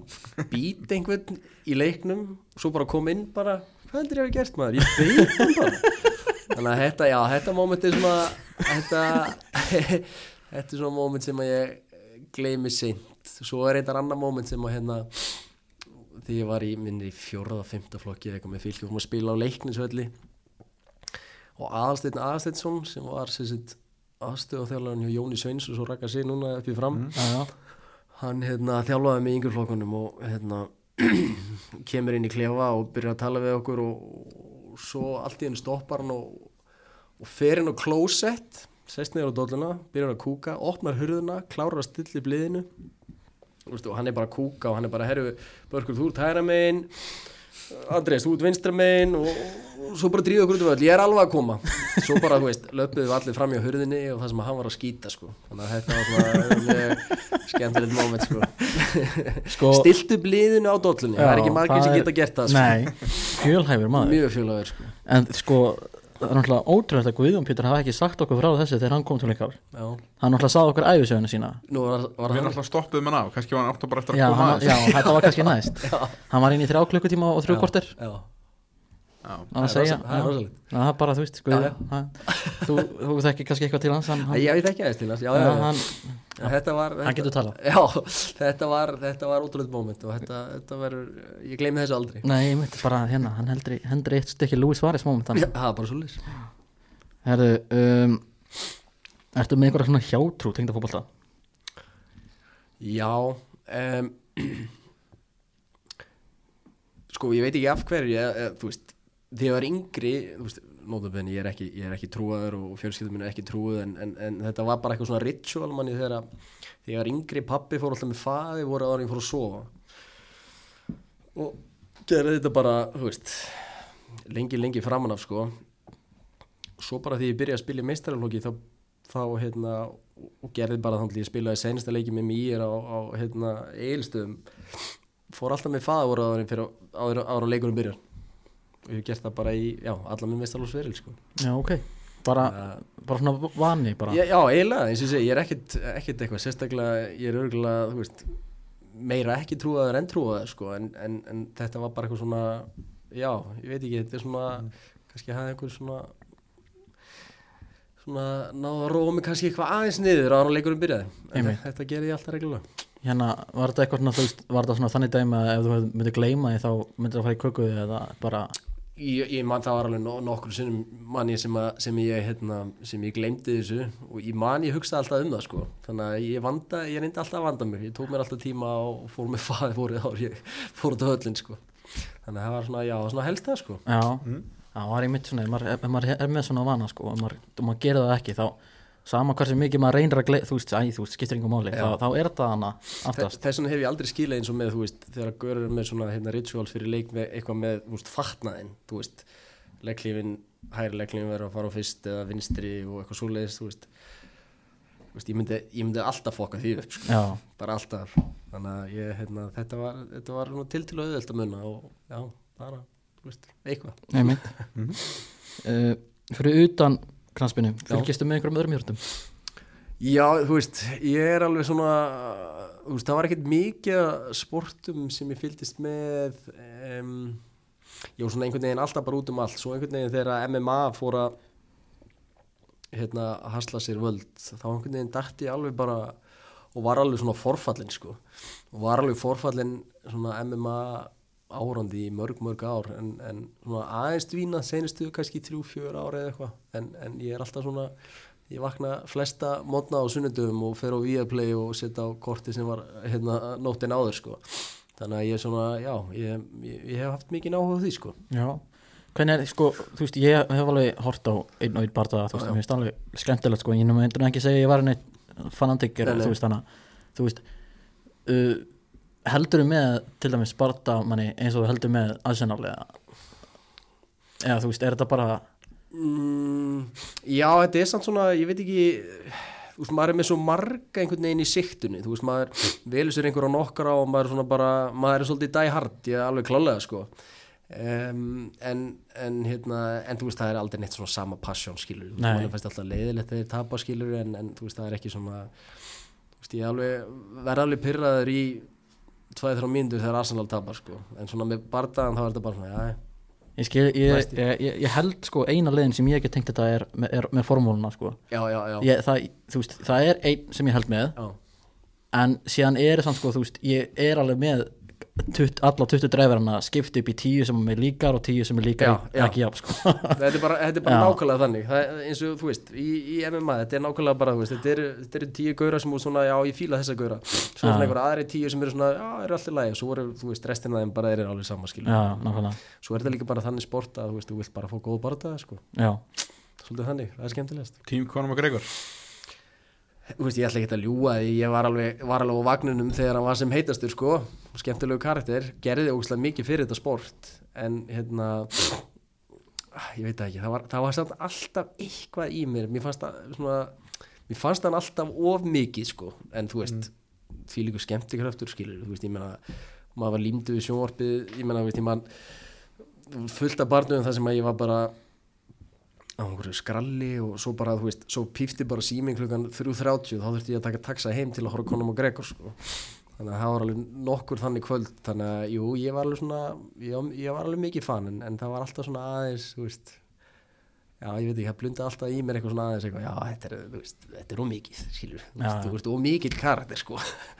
Hvernig, hvernig ertu þá hérna ertu á Patti já, hann er skemmtilegur, sko. Já, Mér finnst hann miklu meira svona þú veist, Skásirar er náttúrulega bara ógeðslega fyndir sko. Bara, þú veist, það skiptir einhver máli hvort þú sért í MMA einhverju öðru en bara maður hlustaði bara viðtal við Stephen Gerrard sko. já, ég veit það þú veist, það er bara fyndið en mér fannst bara svona Patti vera svona veist, hann er miklu svona hans karakter svona í gegnum árin er, svona miklu náttúrulegri náttúrulegri, þú veist, Conor var bara hér svo fór hann bara hér, hér, hér og hann var alltaf bara meira og meira og meira og meira, og meira sko. þannig ég veit ekki, ég held að maður hef aldrei svona en, me en með Patti þá var þetta bara, þú veist, ságauðri bara hann er bara hann, skilur, Mm. þú veist. Það er, það er alltaf góð, góð enginn já, ég meit herðu, Steppi, kom að þér. Stjörnum momentið þitt.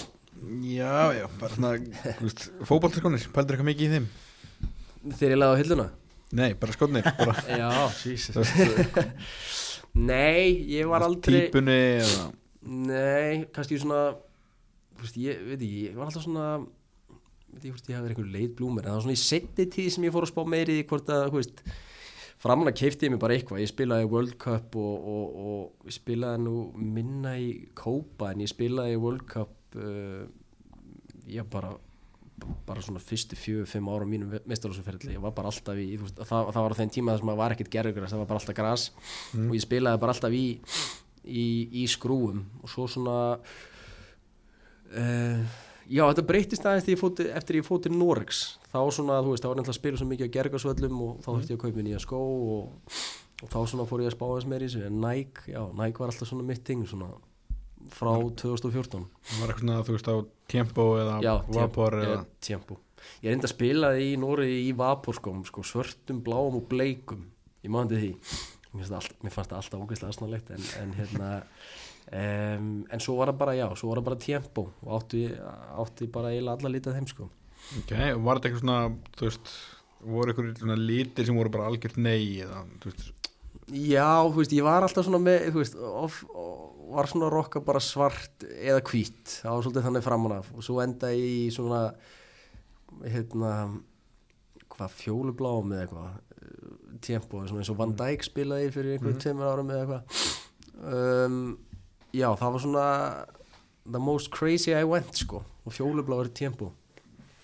Eða vinnröður eða eitthvað, já, já, já meira þannig sko já, já, maður vill ekki, maður vill ekki hafa sko harðhausa hérna, CDM-iðin í einhverjum bleikum takkaskóm sko. Nei, það er rosalegt þú, þú, þú vilt hafa þú vilt hafa Gattuso í svörtum já, takkaskóm sko. já, já, já, 100% sko Ég hef þetta gefið rosalega mikið fyrir það að sjá svo í bleikum sko það er geðvikt það er geðvikt Rífandi kjafti Joe Jordan hann Já, já, og Peter Crouch, já. bleiku skoninu Skallaði hann ekki Joe Jordan? Jú, Jú, jú. jú, jú, jú. Wow.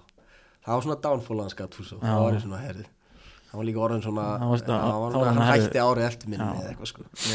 Það var hann að fara hann að detti Já, sko. það var, það var orðin svolítið þannig sko. Já, það er náttúrulega eins og Byrðisnær og fl- fleiri Já. Þeir eru bara, bara hart nei og allt svart. Já, ég veit. Já, ég menna, þú veist, ég, í HK sérstaklega kannski var það sko það var bara bannað að vera í svörtu held ég sko. Já, það var bara þannig Bara sekta sjóður já, og leigur kaftið bara, þú veist, já, bara hvít eða ekki neitt sko. Hvað er vandræðalegasta augnablikið á ferðinum? vandrarlegasta Alltaf nú gott dæmi hérna eins og hérna, var það sub-subaður eða einhver, einhver svakalegu kloppi eða já, já, sko ég man reyndar eftir kannski tímann- eitthvað aðstæðanættur auðspjald Já, þau voru nokkur maður, Jesus. En ég fann kannski Þetta var reyndar á undirbúðstímilin En hérna, þetta var setna árið eh, Hans Ólaf Þóra Þetta er sér 2010 eða, Já, þá tóka mig út af í eigisöldunum móti Káir eftir 15 mínútur. Úff, Já, við vorum að tapa 3-0 sko. Tókum bara út af og sagði ekki neitt.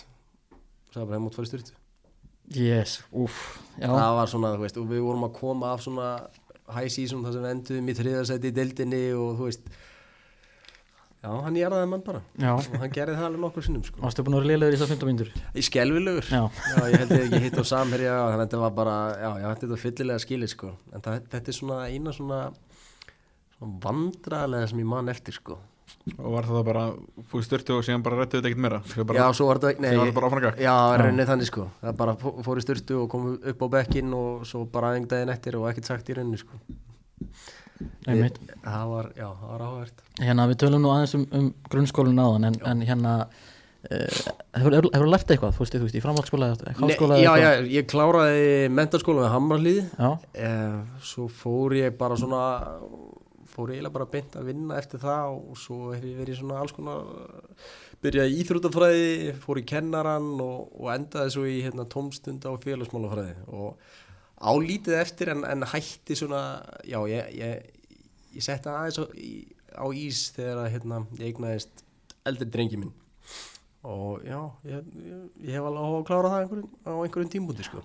núna er náttúrulega hefur svolítið meiri tíma. Já. hérna, hvað er svona plani hjá þér að gera á næstunni? Ó, ég veit það ekki alveg. Ég, ég er alveg, eða svona, jú ég veit það alveg. Ég, ég er alveg svona senasta árið var ég alveg svona mikið að spá í hvað ég, hvað ég ætti að fara að gera svona eftir ferilinn og, og já, snjóbrett er eitt af því. Ok. ég er alveg svona forfallin snjóbretta maður alveg, alveg langt fram til tvítu sko, svo svona já, minga þetta bara aðeins. Meira að gera í boltanum og hafa kannski ekki sniðið alltaf að vera snjóbretti þannig að Ég- með slæta Já, meðsla þetta er mitt þannig að ég er svona hérna, er búinn að taka senustu sömur og fara svona á sömarmarkaði og, og kaupa mér ódýtt snjóbretti og snjóbrettaskó og svona þannig að það, það, það er eitthvað sem að ég ætla að já, gera bara með, þú veist gera með fjölskyldinu sko. Þannig að- en, en svona fyrir utan það þá hef ég ekkit svona neitt, neitt sérstaklega pælt í því sko bara, bara hvað er þetta að vinna? Ég er að vinna hérna í Makron um, bara ísættu verið fyrirtæki sem er með, þú veist, við erum með valsarana og við erum með vikinga og, og hérna og vorum að segna Káa núna Já, næs Þannig Gott sign, mjög já, gott Já, sign. mjög gott sæn Og þó reynda líka þannig að ah, ekki Þannig, þú, já, það er náttúrulega gleymist, þú seldur okkur bóladildarbúningana nú var það þannig? Já, Já, ok, býtu hvað hva heitir liðið ykkur? Það var símin eftir. Já, já, já, já, merti það með sko mikill ást. En þið líka þannig bara, þannig, heldur áfram þannig einhvað Já, já, já, þetta er bara, þú veist, þetta er bara growing business og Já. við erum svona bara einhvern veginn alltaf að bæta við okkur og það er alltaf nóg að gera og, og þetta er bara lítill, lítill en góðu vinnustæður sko. Og svo veit ég ekki, svo, þú veist, geti vel verið að maður myndi, þú veist, klára námið eða, eða gera eitthvað annað eða Langar-. Langar ekkert að, veist, vera meira tengd í fótboltanum, þú veist? Þjálfun eða jú, jú, ég hef alveg, Sjónvarp, ég, nei, ég sjónvarp ekkert svona sérstaklega en, en, en ég hef alveg mikið áhuga á að hérna, þjálfa. Og ég geri það alveg klála á einhverjum tímúti ég held að, veist, kannski ekki alveg strax, ég ætla svona aðeins að bara taka, hérna, taka því rólega. Já, Já, bara, þið skautið svo smekklega framhjá Njarvíkir í makrun Njarvíkir Já, maður, já. já, skulum við gleyma því. Það, er- það, það er nefnilega sko það bara er, öll bestu liðin. Það, ég, það er bara svo lið sko. Það er bara svo lið þannig að við erum svo, svona svo fá þú sarar Mér, mér finnst þú ekki vera búin að nefna Njarvík nú mikið Nei, Nei. ég er búin að tala meira um Káa heldur en Njárvík Þetta er, Þetta er þetta er, galið, þetta ég- er sko fyrsta skipti í tiltalið history sem við tölum meira um Káa en Njárvík Ég er mjög dölur að plugga Njarvík er? Við tölum meira um Njárvík heldur en uh, sko, nei, það er nú ekki lígi voru þeir ekki að sæna Nei, þeir voru ekki að sæna Jú, þeir voru að sæna Kai Leo, það ekki? Voru ekki bara svo- með hann á láni hann. senast Nei, við, við, þeir kefti hana með því Nú, ok. Hvað sem ekki? Ég get ekki sett það. Ég veit að hann starta ekki einn leik. Og það var svoleiðis? En Rísan Hann- er hann fannst eins núna. Þeir, hann, sjá, þeir sjá okkur Þeir verða þarna félagarnir fram í er ekki já, já, Við erum einhvern annan færiðing sem er Ég- tilöndur sem eh, mark ársins í að já, ég, ég þegar að við- mikla vonir. eftir að Njárvík misti Ómar Sói þá var ég fljótur að senda á steppa. Hérna, ég bara, þú veist Ómar, við mistum Rafael Viktor. Rafael Viktor, Ómar Sói er í leikni, hvað er bylla? Býtu, hvert fór hann? Þrótt? Nei. Þór. Þór, Þóri já, þegar ég mistiði Rafael Viktor þá var ég fljótur að senda á, steppa. Bara, þú veist, hérna eh, samryggist með þetta fall. Þetta fall eh, ég, Við erum með Geitina frá færiðum já, og svo náttúrulega Berg í, í, í, Big Berg. Já, í Hafsend Já, já. Herðu, hérna, nóum Njárvík Aldrei, aldrei og mikið af Njarvík hérna, hvaða þrjá leikmenn tækir með þér á Eyði og af hverju? Já. Sko. Ég- Þetta er Er kannski bara meira um Njárvík eða? Ég kannski myndi ég bara taka með mér einhverja þjá nærvíkinga Það er aldrei að vita En nei, njá, Það eru nóg að velja. Það eru nógu velja maður. Ég- Óskar Ör, Nó, Ingvar Jóns. Já, já, já, já. Það getur þykir Kámen, Almar Ormars og... Já, já. Það myndi nú örgulega ekki enda vel sko Jú, Myndirðu, myndirðu, hvernig Góð myndirðu til þetta. hvernig myndirðu stratta samt, þú veist, bara eiginu myndirðu velja, þú veist, teimi sem er að fara að koma ykkur af eiginu eða teimi sem er bara að fara að taka yfir eiginu og hafa gaman Sko ég myndi, sko ég myndi hugsa þetta svolítið sjálfbært sko. Ég, veist, ég myndi vilja hafa einhvern handlæði með mér sem að ég veit ekki hver ætti að vera því að ég, þekki, ég held ég þekki engan handlæðin sko. En um, einhvern sem er góður að elda. Sjómaður eða eitthvað? Já, sko út af því ég eitti næstu ykkur um einasta degi með honum í, í hérna, þrjá fjóra mánuði því ég var í Nóri Þóran Ingi Valdimarsson um, já, ég held ég myndi taka hann með mér. Við höfum alltaf, alltaf náð vel saman sko. Getum talað saman um alla hluti og, og uh, já, svo myndi ég taka ég myndi taka Gumma Júl með mér alveg 100% bara þú veist, ef það kemur döðu tími þá myndi hann halda stemningun uppi bara eins og já, hann fengi borga fyrir það. Tóta, Gumma Júl og Guðjón Bjötu getur hann komið okkur að einu? Jú, herru, hann er að vísa handlægin Já, hann var Jú, að bara- eitthvað þorparna já, að vísu sko, hann var búin að já, hann- þetta var bara eitthvað verktaka dæmi fyrir honum sko. Hann var bara búin að byggja eitthvað dreifbíl þetta. Á ekki, þó, þó ég þekki nú ekki mikið á ekki segja það, bara svona til að eiga sens á því að komast einhvern tíma frá eiginu sko. já, einmitt. Já, Þannig að já, Guðjón Bjötu er alltaf gott svona backup já, þannig að ég held það. Pikk eða í spurninguna sko. Smíða hús, smíða bát Já, já Herðu, ertu með einhverja störluða staðarindum sjálfa þig sem að, kannski ekki allir sem vissu á tónlistarleginni en, en, Nei. hana, en það er kannski ákveðin störlu staðarind þó að Já. margir viti það Já, já Sturlu staðarendur sjálf mig um,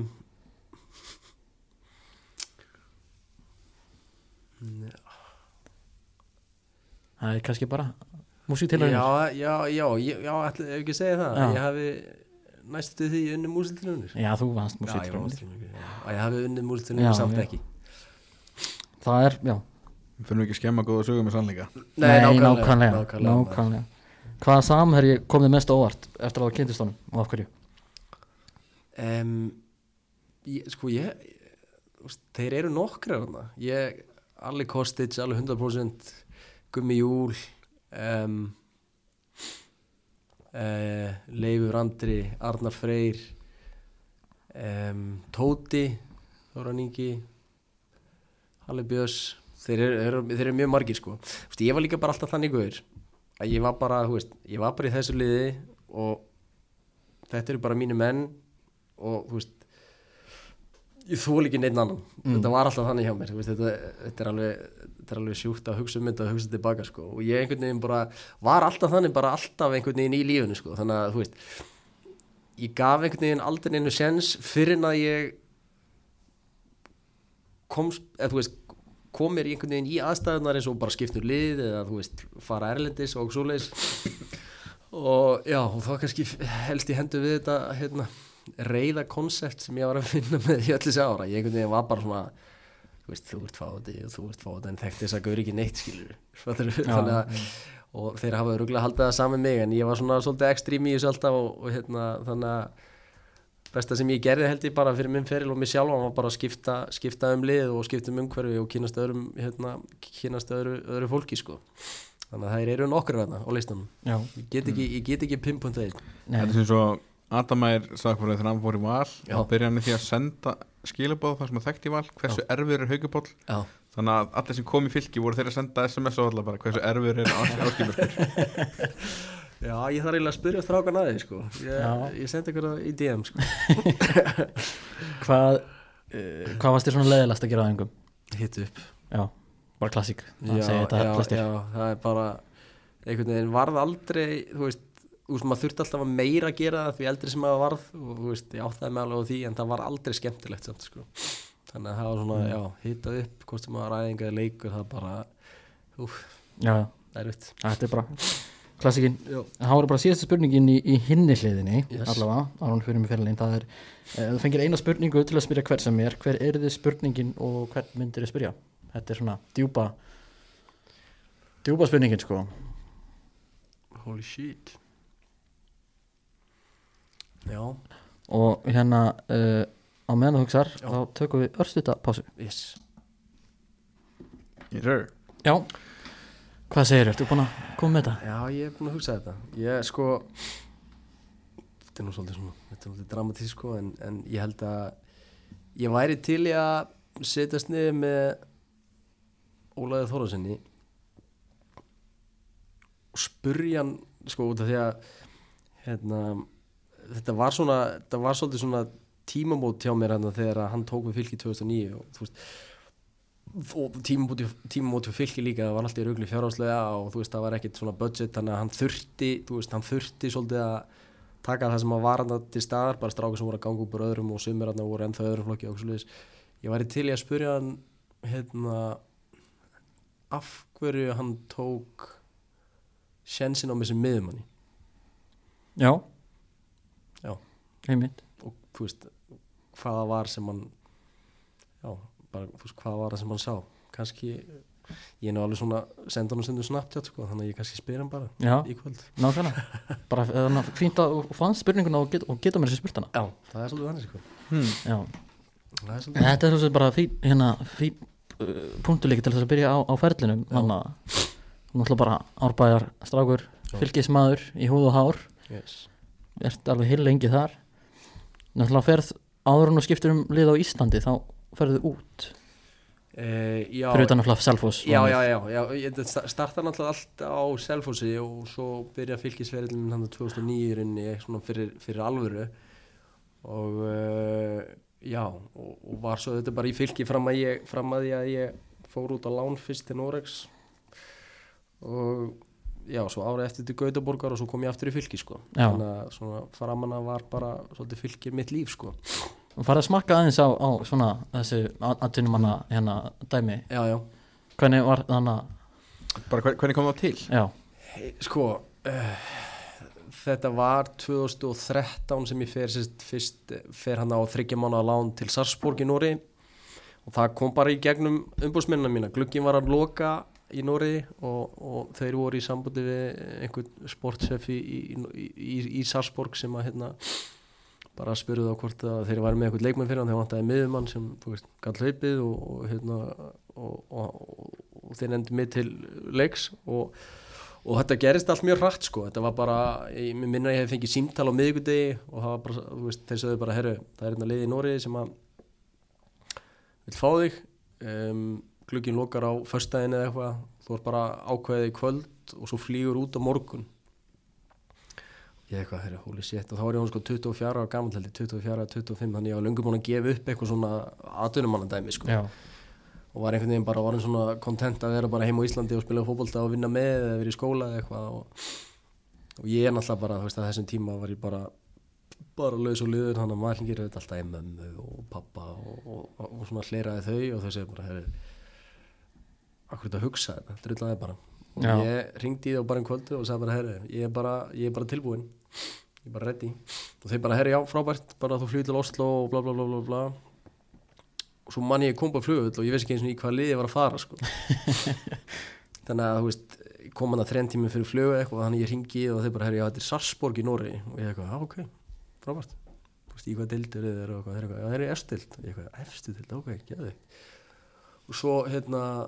fór ég eitthvað að googla þetta og, eða svona mundi að þú veist það væri íslendingar hérna, það var þú veist Gummi Tóta, eh, Þóran Ingi og Halli Björns voru allir hérna þessum tíma sko. Og ég fer út og, og sport sem við pikka mig upp á flugöldunum og keiri mig keiri með mig til Sarsborg sem er 40 minnur frá eða eitthvað. Og hann er í símanum allan tíman sko. Og ég er eitthvað svona veist, bara eitthvað í símanum og hlusta tónlistu og eitthvað og sitja í framsætinu og og svo var hann eitthvað að kjafta á norsku og svo eftir svona, já, eftir svona 20 myndi 25, 25 minúti skellir hann á þann sem hann var að tala við og, horfður svona eitthvað á mig og segir já, ég var að tala við agent, það var að bjóða mér bjóða mér miðumann, ertu ekki alveg öruglega nógu góður? Og þú veist, þú brosir ekki eða neitt sko og ég eitthvað svona jú, jú, jú, jú, ég er það, hann eitthvað svo bara held hann áfram að tala í síman sko. Eða hringdi annað símtal og bara við kerum á stað sko. Ertu ekki alveg nóg góð Já, no joke, þetta var svona sko. Ég, Hvað er hann ég, gert þegar þú sagði bara, nei, veistu, ég ég veit það ekki alveg sko. Þannig að, hérna, já, þetta var, þú veist, það var mjög, það var mjög áhvert og, og þjálfarnir hérna voru tveir breytar, eh, annar þeim heiti Brian Dean, var svona gaffer, eh, gæðin sem skoraði fyrsta Premier League markið. Já, ok. Já, stór svona hérna, target center og gæði með honum sem heit Ian og hérna og þetta var bara svona, já, þetta var, þetta var erfitt, svona fyrstu þrjá, fjóra vikurnar þá var ég bara að koma okkur tempo sem ég aldrei kynst áður og þeir, þetta var svona possession lið sko.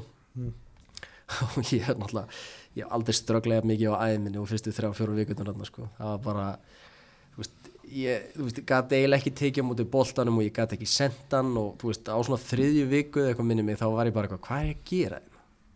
Þú veist, ég er svona, þú veist ég man ekki hvort ég hafi grátið ég myndi glaður viðkynna það sko en ég var bara svona, bjóð einhverjum bílskur hérna sko og, og, og, satt í sófanum hann, ég var bara að hugsa herru, þetta er ekki fyrir mig sko svo einhvern veginn bara, já, bara, þú veist á svona fjóruðu, fymtu viku þá einhvern veginn bara byrjaði að teka hjá mér sko og, og hérna var reynda búin að spila eitt leik hana e, eitt leik undan minni mig kom inn á í holuleik og, og var bara með þjálfara sem hefur trúið mér og veist, þeir voru alltaf að segja mér bara, herru, þú veist þetta kemur, þetta kemur. Og svo bara, þú veist, á einhverju tímpundi þá bara, já, eftir mánuð held ég þá bara einhvern veginn komst ég í rithmann og, komst í, í, í tempóið og, og bara gekk gekk mjög vel sko Hérna, eh, þegar þú ferðan að þryggja manna á lán er, þú veist, er fylgir bara, þú veist, ekkert mál bara, Nei, sko, ég var eindir að vinna fyrir, í fyrirtæki sem heitir Takk hreinlæti og formaðurinn í fylki var yfirmaðurinn minn, sko. Þannig að hann bara einhvern veginn, ég, þú veist, ég og hann bara góðu félagar og, og, og hann bara einhvern veginn svona, já, þú veist, ég nefndi þetta við hann eða, þú veist, þeir hefðu sambandi við hann og, og, og hann einhvern veginn bara svona guttir að þetta. Þetta er bara, já, bara, let's go. Þetta var í, ég, þetta var í apríl, þetta var bara, þetta var, þá byrjaði tímabilið ekkert fyrir ný, uh, maður ekki hvernig að byrja að byrja allan að setna en það gerir í dag. Og hérna að þetta var bara, þetta gerist mjög hratt og einhvern veginn fór úr því að vera mjög erfitt í að vera bara mjög góður þrjí mánuðir sko. Já. Þannig að þetta var mjög, þetta var, þetta var skemmtileg lífsinsla sko. Hún farði allavega eitthvað smá að, hana að sína því að gæs í Götaborg takaði síðan. Já, við kom, sko, ég spilaði hérna, spilaði bara fyrir mikið þetta þess að þrjá mánuðan og eins og ég segi, var bara með þjálfara sem hefði mikla trúa mér, sko. Og, og kem svo heim um mitt tímabil hjá fylki hérna 2013 og þá erum við bara í þá erum við í, minni mig, bara fallsæti, vorum ekki búin að vinna leik, sko. Við er samt búin að skora einhver tíu mörg við er öll og, og, og þetta var svona bara, það gekk bara ekkert upp. Svo kem ég heim og tveir, minnum við tveir, þrýr aðri komu meðslum og við förum bara að ná eitthvað þýlitt vinningstrík, vinnum fjóra, fimm leiki röðu eitthvað og, og, og ég held ég hafi bara átt ágætið smóta þarna setjum partin á Íslandi. Og í framhaldinu því þá kemur upp þetta gæstemmi sko.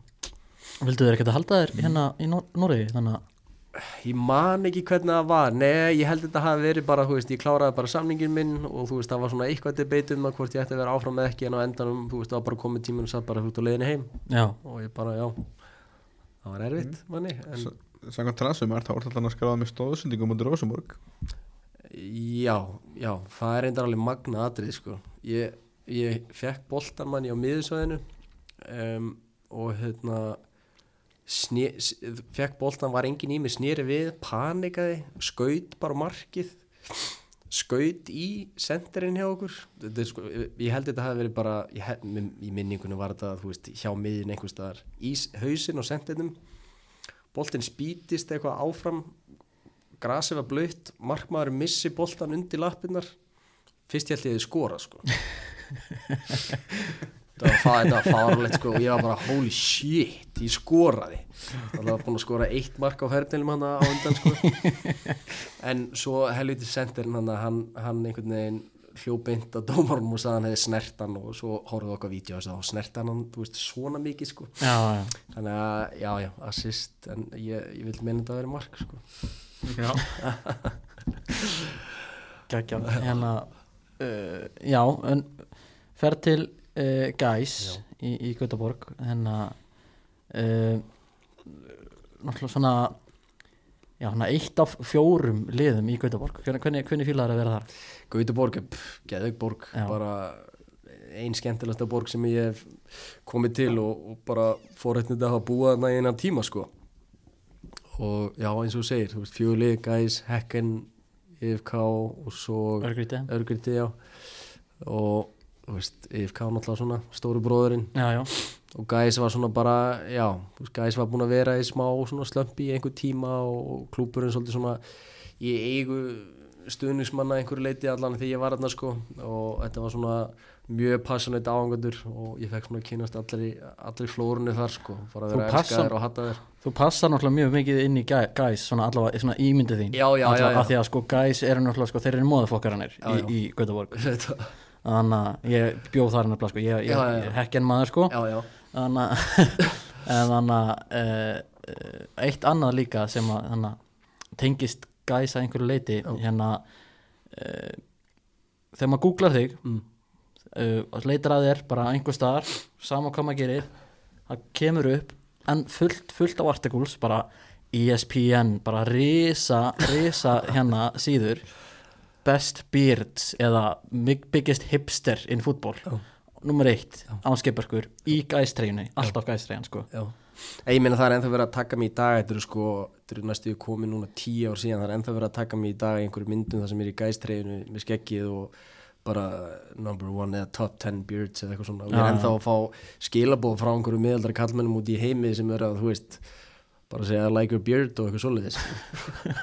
Þú veist, tíu árum setna sko, þetta er svona, já já en þetta var, þetta var svona já eins og ég segi, þetta var þetta var, þetta var mjög áhugaveru tími sko og svona bara fekk auðvitað mikla ástæðna á einhverju tímbili og svo fekk ég mikið hattur og, og svo endaði þetta bara á góðum- góð, góð, góða nótunum sko. Já, en hérna uh, tökum aðeins Já. það er náttúrulega bara, þú veist af svona ánskei börku brandinu sko, þá er skeggið náttúrulega bara nummer, þannig að Númer eitt. í nummer eitt í, í, í, í imaginu allavega sko hérna, uh, þú veist hvað, hvenar á, þannig hvenar ákveð, ákveður fyrst bara herri ég ætla að vaks út þannig að bara klika skegg? Ég veit það ekki alveg, þetta var svona bara það gerðist bara svona hægt og rólega. Ég man, ég man að þegar sem, svo ég fari enn aftur til 2009 þá það var svona í fyrsta skipta á mínu ferdi sem ég var með eitthvað svona skeggaviti 20-21 ás eða eitthvað.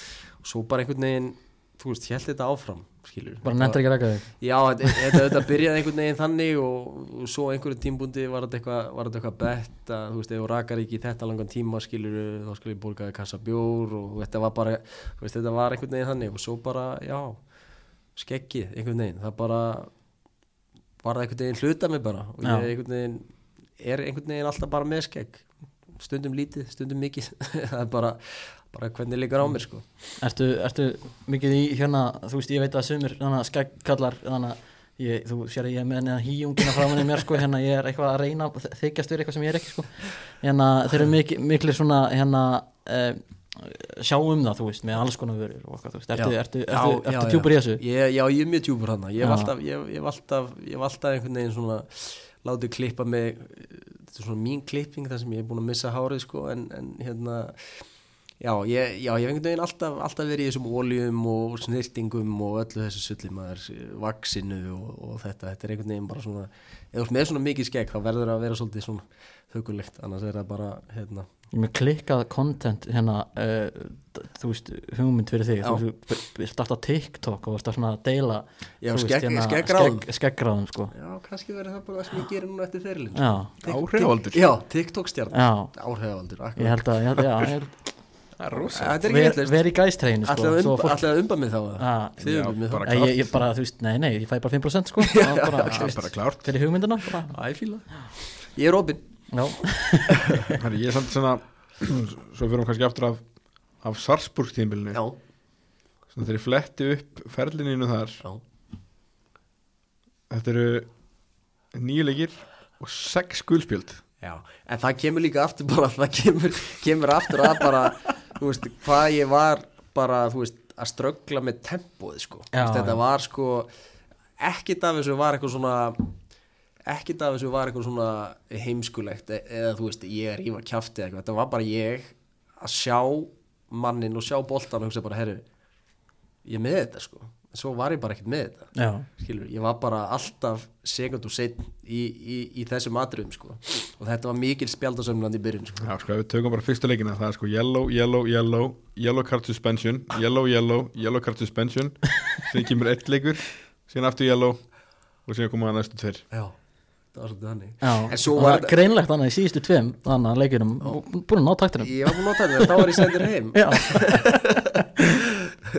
en það var líka bara, þú veist svo var líka bara leikstílinn okkar þannig veist, við vorum, eins og ég segi ótrúlega sagt að ég hafi verið að spila í einhverju possession-lið sko, en það voru við bara við vorum ótrúlega hérna, svona bara passinglið eða sendingarlið og vorum auðvitað rosalega hátt með vörnina og, þú veist, og það var bara oft þannig að veist, ég var bara einn með einhverjum tveim hafsendum að verjast og ég var bara að hlaupa frá vinstri til hægri og þú veist eins og ég segi ókýrslega oft setni í tæklingar og stundum var ég að brjóta bara til að brjóta en, en þetta var svona, já, þetta var þetta var mikið spjaldasöfnum sko mikið spjaldasöfnum Þetta er, þetta er ekki svona stæmt í Svíþjóð allavega. Nei, ég var aðeins rólir þá. Þá voru við líka bara svona, þá lágum við meira tilbaka og þú veist, ég var bara að vera í einhver svæði og ég kannski þurfti ekkert að vera hérna e, bjarga heiminum í hver skipti sko.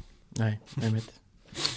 Uh, Þú kemur síðan aftur heim það er bara aftur í, í fylki. Yes. eftir gæs Stóð aldrei til, til bóða að fara eitthvað annar leið voru sem hleiruð eða?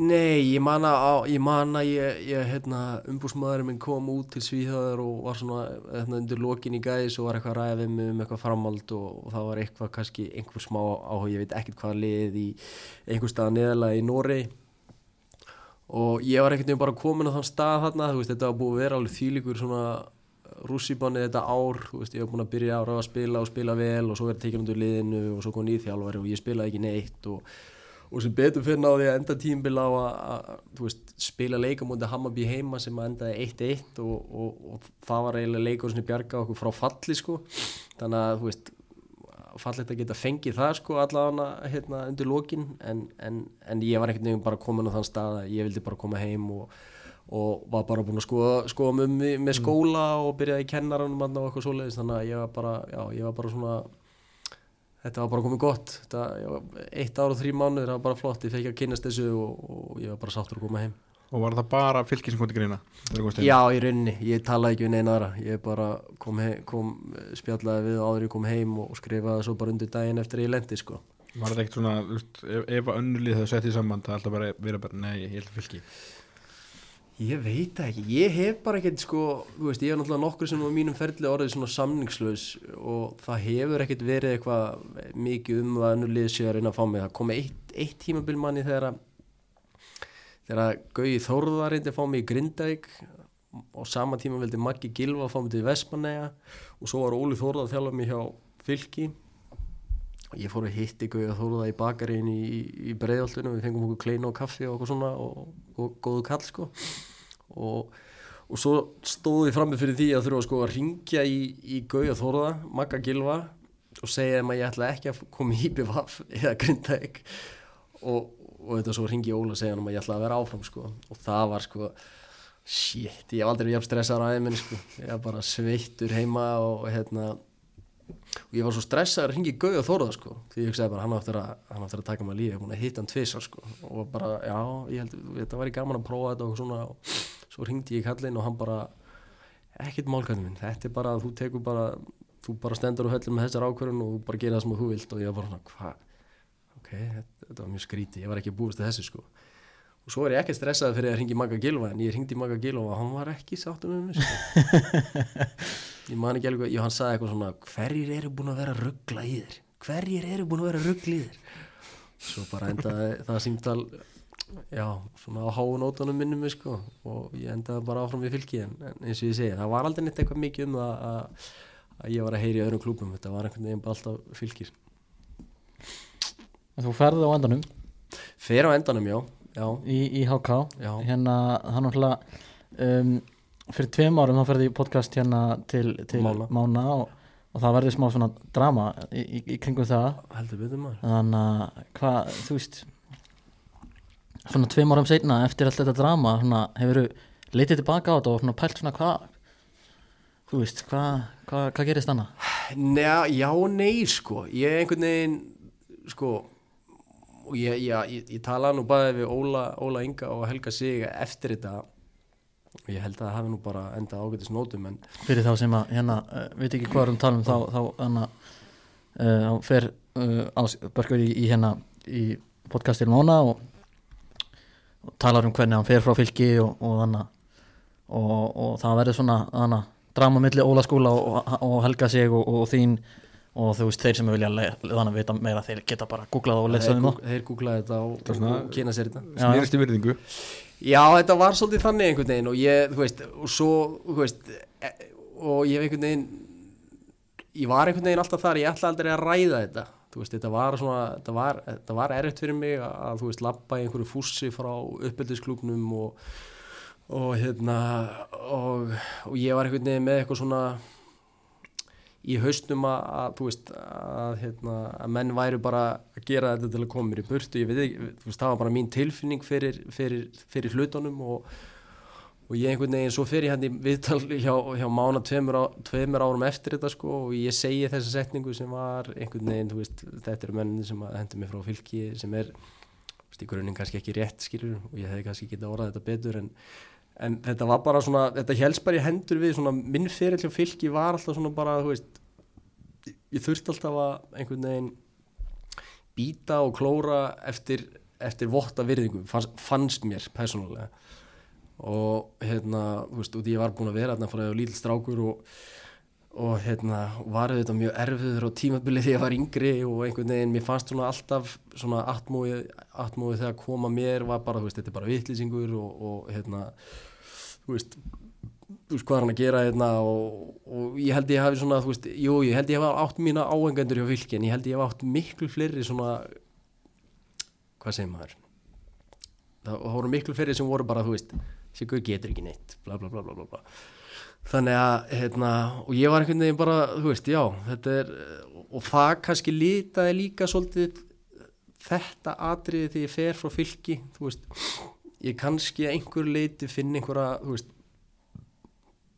bý til, bý til einhverja blórabögla og ástæði fyrir því af hverju ég fór en, en þú veist þetta var auðvitað ekkit ólega helgi þetta var bara meira, þú veist, ferillin minn hjá fylki. Þetta var bara svona eitthvað einhver svona vöndun á virðingu, ég veit ekkert hvort ég átti alla þessa virðingu skilið en, en, en mér fannst svona eins og þú veist á þessum tímpúti ég fór þá bara einhvern veginn sprakk þetta.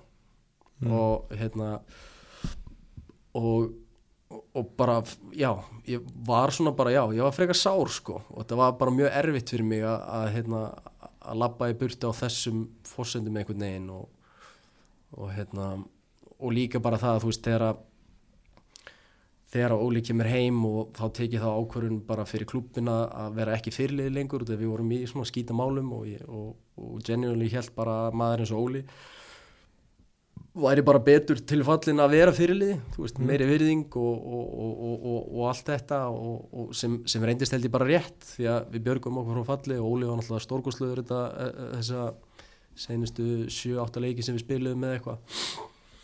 Og, og, og hérna já, og, og ég kannski var með einhverja óreinhávar kröfur á hann um að, um að hérna veist, sína mér virðingu út af því að ég gerði þetta fyrir hann skilur, þú veist, ég en at the end of the day, þú veist, þá var þetta bara hérna þá var þetta bara, var þetta bara svona. Og veist, ég sagði bara það sem ég sagði veist, hefði hugsanlega geta orðað eitthvað öðruvísi en, en í grunninn var þetta bara, já, bara ferilli minn minn frá byrjun frá fylk, eh, með fylki sem einhvern veginn sprakk bara hann í endan og, og ég kannski var reyður út í menn sem ég átti ekkert að vera reyður út í skilur og hérna, já, það er bara svolítið þannig.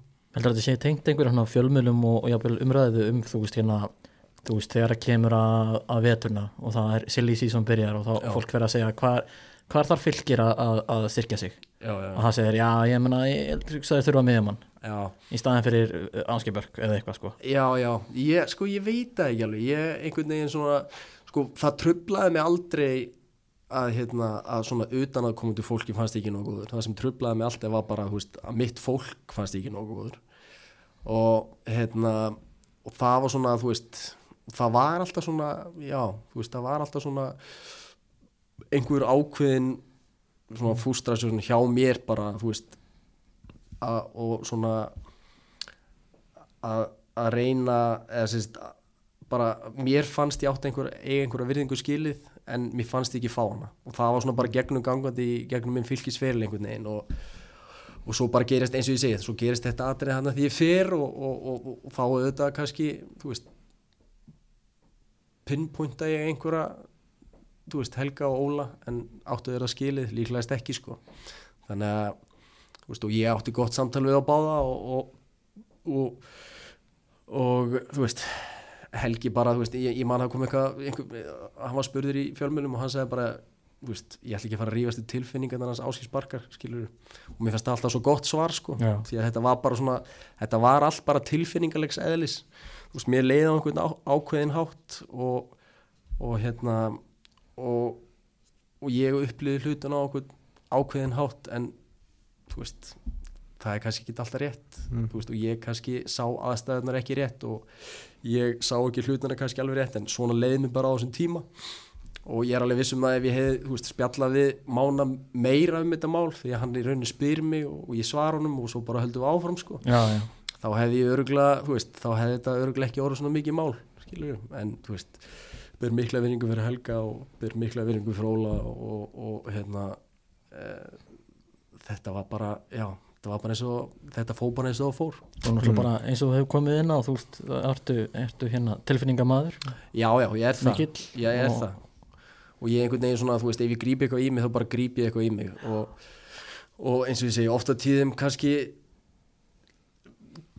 mína tilfinningar gef ekki alveg svona rétta, ré- rétta mynda því sem raunverulega gerðist en, en, þetta í endur þú degi þá snýrist þetta bara um, af, af, frá mínu sjónahorni virðingu og mér fannst ég ekki alveg fá þá virðingu frá fyrirleðanum og, og þjálfaranum en, en, en eins og ég segi, ég talaði við á báða og þeir útskýru bara fyrir mér sína hliðamálinu og ég, þú veist það er ekkit, ekkit meira en það að segja Já. og, og ég hef ekkit, ekkit nema virðingu fyrir þeim báðum sko. Já, tenk, að get, ég held að geta nú allir tengt við það að, þannig að, að finna, finna fyrir einhverju kannski að finnast eitthvað verið óréttlátt og Já. vera einhvern veginn svona en, en það var kannski aldrei meiningin frá þeim manniskum sem maður, Nei, nei, nei, sem maður er hérna, það, og, og, það teng, tengja allir við það. og það var bara nákvæmlega sem að til dæmis í mínu spjalli í Óla hans ég sé að fara að lista það eitthvað upp það var bara nákvæmlega sem hann sagði það var aldrei ein- ein meining skilur það var bara að koma heim á ratunum og hann var bara hann átti nóg með sjálfa sig og, og, og þú veist, halda sér í, í standi og spila, spila vel fyrir lið sem var í ströggli og þú veist, ég verið, það bara Mhm. en, en þetta var eins og ég segi, þetta var bara svona tilfyllingarlegs eðlis og, og stundum er maður einhvern veginn bara, ræðir maður ekki alveg við tilfyllingarnar þegar maður er í einhverju svona er, er í einhverjum aðstæðum einmitt Mm. En þeir eru sáttir í dag, allir þrýr Ég held það sko, já, já, já, já. Helgi, Helgi kemur reglulega í búðuna tíminn hann er með krakka í, í HK og svo var hann að þjálfa Grindavík og, og hann var um, Hvernig fram í núna? komin í fram núna. Við erum reyndir ekki með fram en, en, en hérna en þannig að jújú, jú, við, við höfum rætt málin og þú veist það er bara, það er bara eins og þeir það er. Bara eins og sé, bara til að setja punktin niður í, það bara fyrir mikla öðringu fyrir þeim báðum og þeir eru bara að standa sig vel sko. já. Mm, En ég minna að þú endar aftur hjá fylki ég geri það, já, Ef við, kannski árum við förum í það tölum aðeins um, um HK Já. tím, tímabili Já. þannig að þú átt bara príðist tíma hjá HK bara svona eins og var nefnt oft bara í fjöluminu bara endur í lífdaga já, já, já, já, já. Já, ég komst einhvern veginn, ég kom bara inn í eitthvað svona, ég ég kom inn í eitthvað svona umhverfi sem var bara svona taktist, mjög rútinerað, þú veist, Brynjar og Viktor voru bara, bara með ákveðna svona, sín á leikinn og þeir spiluðu bara varnarleikin svona og, þú veist, ég átti bara þetta svæði og þetta svæði og þetta var bara einhvern veginn svona, það var rosalega auðvelt, liðið var svo þétt einhvern veginn, sérstaklega hérna tímbilið 2019 að, þú veist, ég, maður þurfti einhvern veginn að vinna svo litlu svæði og hugsa svo lítið bara til að gera sitt sko. þannig að það var svona, já, þetta var, þetta var mjög skemmtilegu tími sko. mm, það voru marginni mitt bara fyrir bara fyrir hákatíman búin að afskrifa þig. Já, já, og síðan kemur hann að þú veist margir sem pældi í því af hverju háka var að sækja þig. Já, en síðan kemur þú veist bara, bara preyðisk á tíumbil og svona komst bara mjög mörgum á óvart.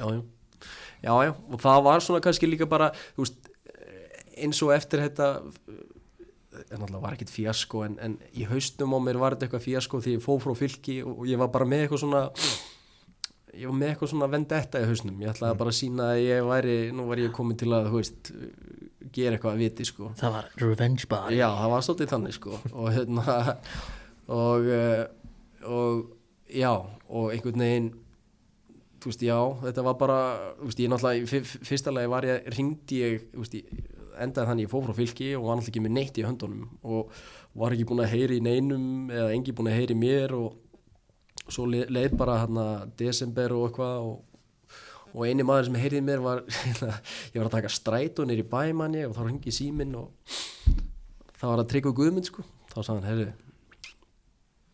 ég veit að þetta hljómar kannski skringilega en ég er að spá hvort ég langa að koma í vangi Júbitis já, ok ég er eitthvað svona, já nei, veistu, Tryggvi, ég held, nei ég, þú veist, ég, ég ætla að láta reyna á þetta. Ég, ég ætla, þú veist, mér langar að spila eða stild og reynda var ég aðeins búin að vera samskiptu við kórdrengi líka á þessum tíma sko, búin að tala við tala við Davís Mára og, og, en ég var einhvern veginn svona bara fastur á því ég ætlaði bara að vera, þú veist, ég ætlaði bara að vera í aðstild og ég fór bara að hugsa veist, hvað, veist, hvað get ég gert? Og ég, bara í byrjun í janúar þá bara talaði ég við Ómar Inga hérna núverandi þjálfara HK þekki hann aðeins og fekk bara síman hjá Brynjaði Binni og ég ringdi bara í hann og hann eitthvað já, eitthvað blæsa börkur hérna uh, var í fylki og eitthvað. Hann eitthvað, já.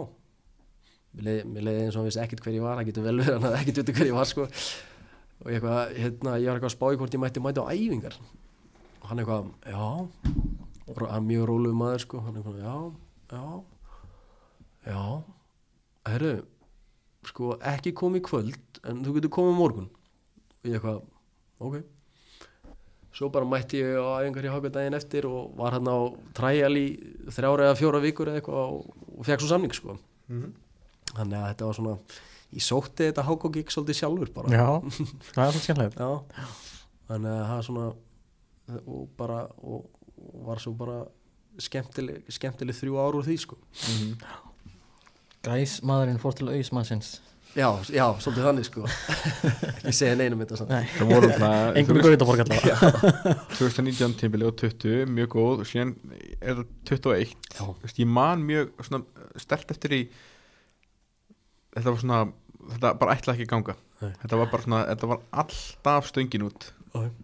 Þetta var ótrúlega tímbil sko. Og þetta var einhvern veginn bara svona 2020 og náttúrulega þarna var þetta flautað af út af COVID minnum við mm. já, svo 21, já, þetta var bara nákvæmlega eins og segir sko, þetta var bara stöngin út einhvern veginn allan tíman og við ná, náðum okkur einhvern veginn aldrei á neitt flug sko. Og endaði svo bara hérna í kóbóinum að falla sko. Þannig að þetta var, já, þetta var súrt. Súr endir. Já. já, og síðan í kjölfara því þá já, fer í fylgjaftur já, já, já. Homecoming. Homecoming, já, já. Þetta var svona, svona með allt sem var búið að ganga á á undan þá var þetta kannski, kannski skrítin lending einhvern veginn en, en, en ég einhvern veginn, þú veist Albert, svona félagi minn sem við hefum auðvitað fylgst svolítið í held, hendur í gegnum okkar fylgistíma allavega mm. vorum bara báðir svona samlingslausir á þessum tíma og, og við einhvern veginn bara svona ég veit það ekki, ég veit ekki hvort við hefum bara rottað okkur saman og ákveða að fara bara í fylgi sko og rættum reynda báðið við Rúna Pálmann ég en, en hérna en, en já, en endum svona á því bara að- fara með svona það í huga einhvern veginn að enda fyrirlinn bara á sama stað sko Albert spila samt ekki þannig Nei, hann náttúrulega lendir í að slíta crossband hann ári áður og er bara svona í endurhæfingu eða allt þetta sísón sko. Eitt hérna uh, sko uh, eitt leikur Já.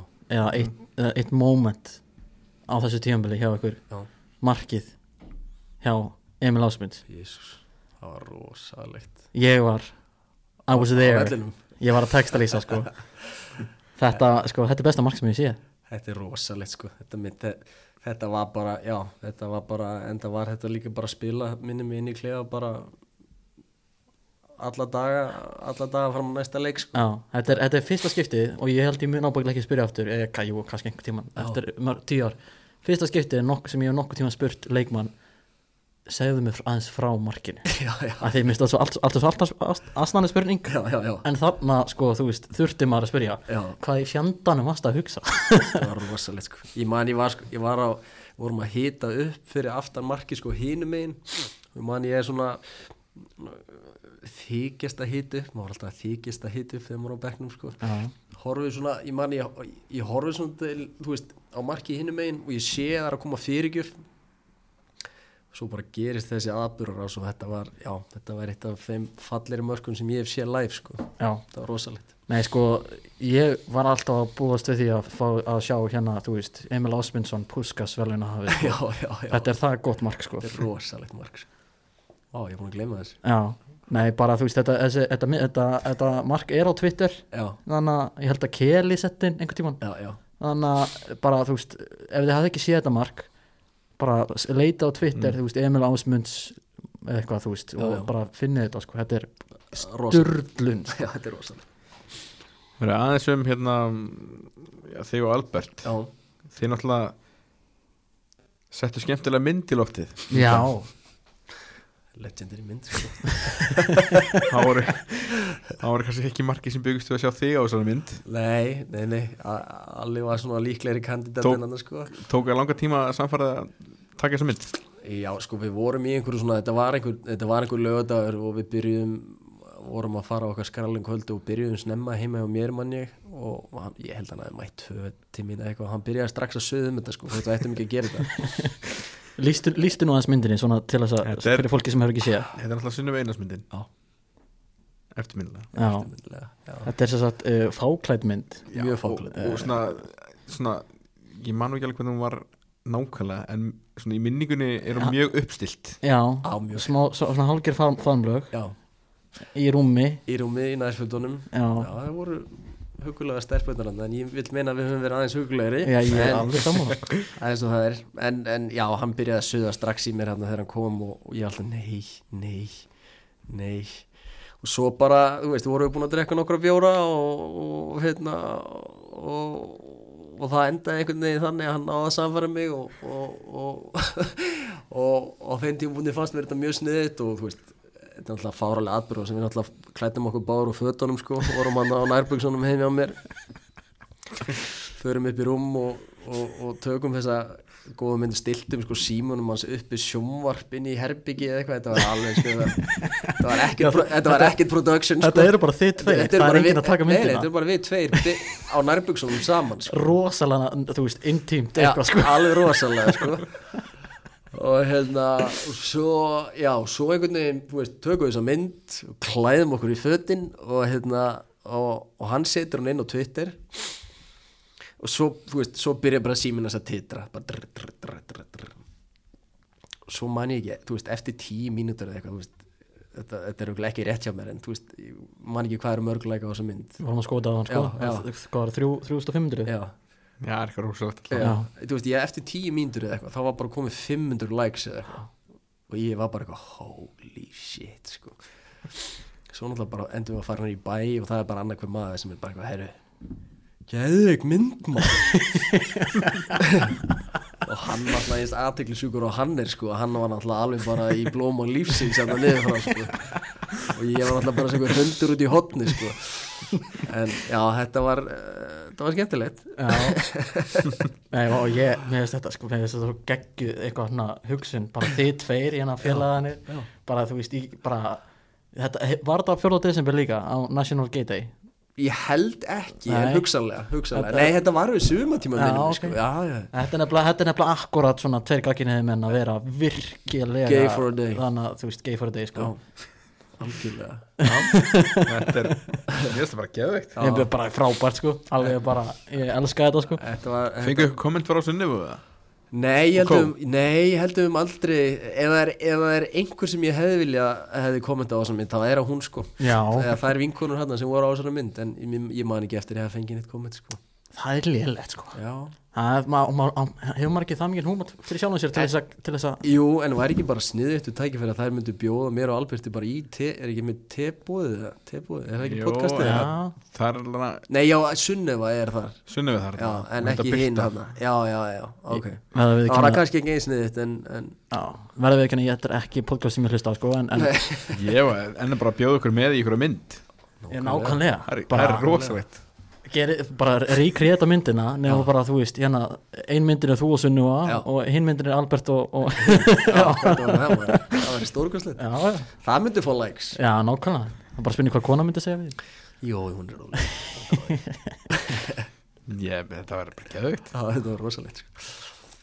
Við finnum eitthvað við gerum eitthvað, fyrst maður er hættir í boltanum og við finnum eitthvað góða lendingu hann sko. já, ég bara, bara hérna bara Albert býður Sunnuvu og, og, hérna, og þér og, og sorry, hver var, var hinn stelpan? Ég maður ekki hvað neitt já, þau bara býður ykkur þreim í gullaspjaldi bara. Hvernig var það? já, Föstu það státtur á X-inu? Al Albert Það að, farið yfir stórumálin. Albert, að því, að því ég veit að Sunnuvu er ekki að hlusta en það gæti verið að Albert sé að hlusta. Já, Albert, hugmynd Já. fyrir gullaspjaldi við heyrum í já.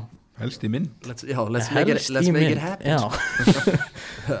Herðu, hérna ef að þá taka uh, IR, Já, síðasta tímbilið mm give it one more year. Já, þetta var svolítið þannig. Ég, ég hérna og aftur bara, þú veist kláraði tímbil hérna með fylki svona uh, geði þetta að fara upp og þú veist, það var svona auðvitað tilfylgning nummer eitt en, en svo var ég svona bara út af því ég var áður svona gamall og, og þú veist, ég hugsaði, já ekki, eða gamall þú veist, ég eldur í kantinum og ég á ekki það mikið eftir þannig ég á svona, þú veist, það var svona smá eh, þú veist, ég strákandi sem spilaði þarna voru alltaf frábærir en ég var svona bara egoist en ég var bara tjöflin maður, þú veist. Akkur spilaði ekki meira, skilur og ég spilaði náttúrulega ekki mikið byrjaði minni með mótið og svo var ég bara svona inn og út og, og svo bara út þarna undir lokin. Og bara rétti, réttilega svo Gaurina sem voru þarna voru náttúrulega bara að spila frábæla Arnur Gauti Jónsson var náttúrulega geggjaður þarna á miðinni Já, já. og, og þeir voru bara, voru bara að gera gott mót sko, þannig að en ég, já, ég, þú veist fór einhvern veginn frá fylki og fylki fóru upp bara aðeinslegt en ég hugsaði bara, herri, þú veist ég verð að taka, ég verð að taka ef ég ætla ef ég ætla að hætta núna, þú veist, að ári þú veist, þá verð ég, að- verð ég að fara einhvers staðar þar sem, að, þar sem ég veit að ég er kannski að fara eða, þú veist, veit að ég er að fara, þú veist að séu meir líkur og ég sé að fara að spila en minni, sko Var reyndir Rúnapall ekki að halda þér? Nei, nei, nei, nei, nei, það var, var ekkert svoleiði sko. Og, og þú veist, við áttum alveg svona nokkrar samræður yfir sumarið og, og, og, veist, það var bara hreitn og beitn og ég bara virði hann fyrir það sko. Og, hérna, það, það var svona alveg ljóst um, um mitt tímbil að ég væri ekkert að fara að spila neitt mikið sko. Þannig að þetta, þetta, þetta, þetta kláraðist bara eins og það kláraðist og, og ég einhvern veginn bara svona, þú veist fór bara fór bara í frí og, og, og bara svona hugsaði málið og svo einhvern veginn Átni, Átni Freyr þjálfari í er. Við spilum saman í fylki á sín tíma. Allavega spilum saman í eitt ár heldur minnum mig. Mm. náðum alltaf vel saman og höfum alltaf svona haldið smá bandi í gegnum árin og, og ég heyrði bara í honum uppalega til að spyrja hvort ég mætti koma á æfingar sko. Og hann bara já já, ekkert mál. Ég mætti á nokkra æfingar upp í er og, og svo bara einhvern veginn pikkaði hann í mig að, að senda mig message og segja bara ef ekki bara, ekki bara koma í er eða og, og ég hugsaði þetta svona veist, ég hugsaði bara, jú veist, og er það ekki bara stemmar eða? Ég var alltaf búin að mæta þetta nokkur æfingar og það gaurar þarna sem voru, veist uh, á þess að snopp eitthvað fyrir hérna annari dildi eitthvað svoleiðis en það var bara ógeðslega mikið að gaurum þarna sem voru ógeðslega góðir. Já, og, hérna, og kannski komið bara smá á óvart og ég hugsaði bara, jú á þess að vita neitt um standard á, á þeim tíma vissi ég ekki neitt um standardin eða annað í annar deild og Mm. Og svo bara sæna ég hann um áramótin eða eitthvað og, og, og, og svo fór þetta bara já, svo fór þetta bara flug sko. Fór sér inn í bart við Mækaran já, og komast upp. Þetta var sko það var rosalegt. ég, þetta er, ég man ekki eftir meira hæpi yfir an, annar deildar hérna promotion, þú veist, höndi Nei, og í sumar.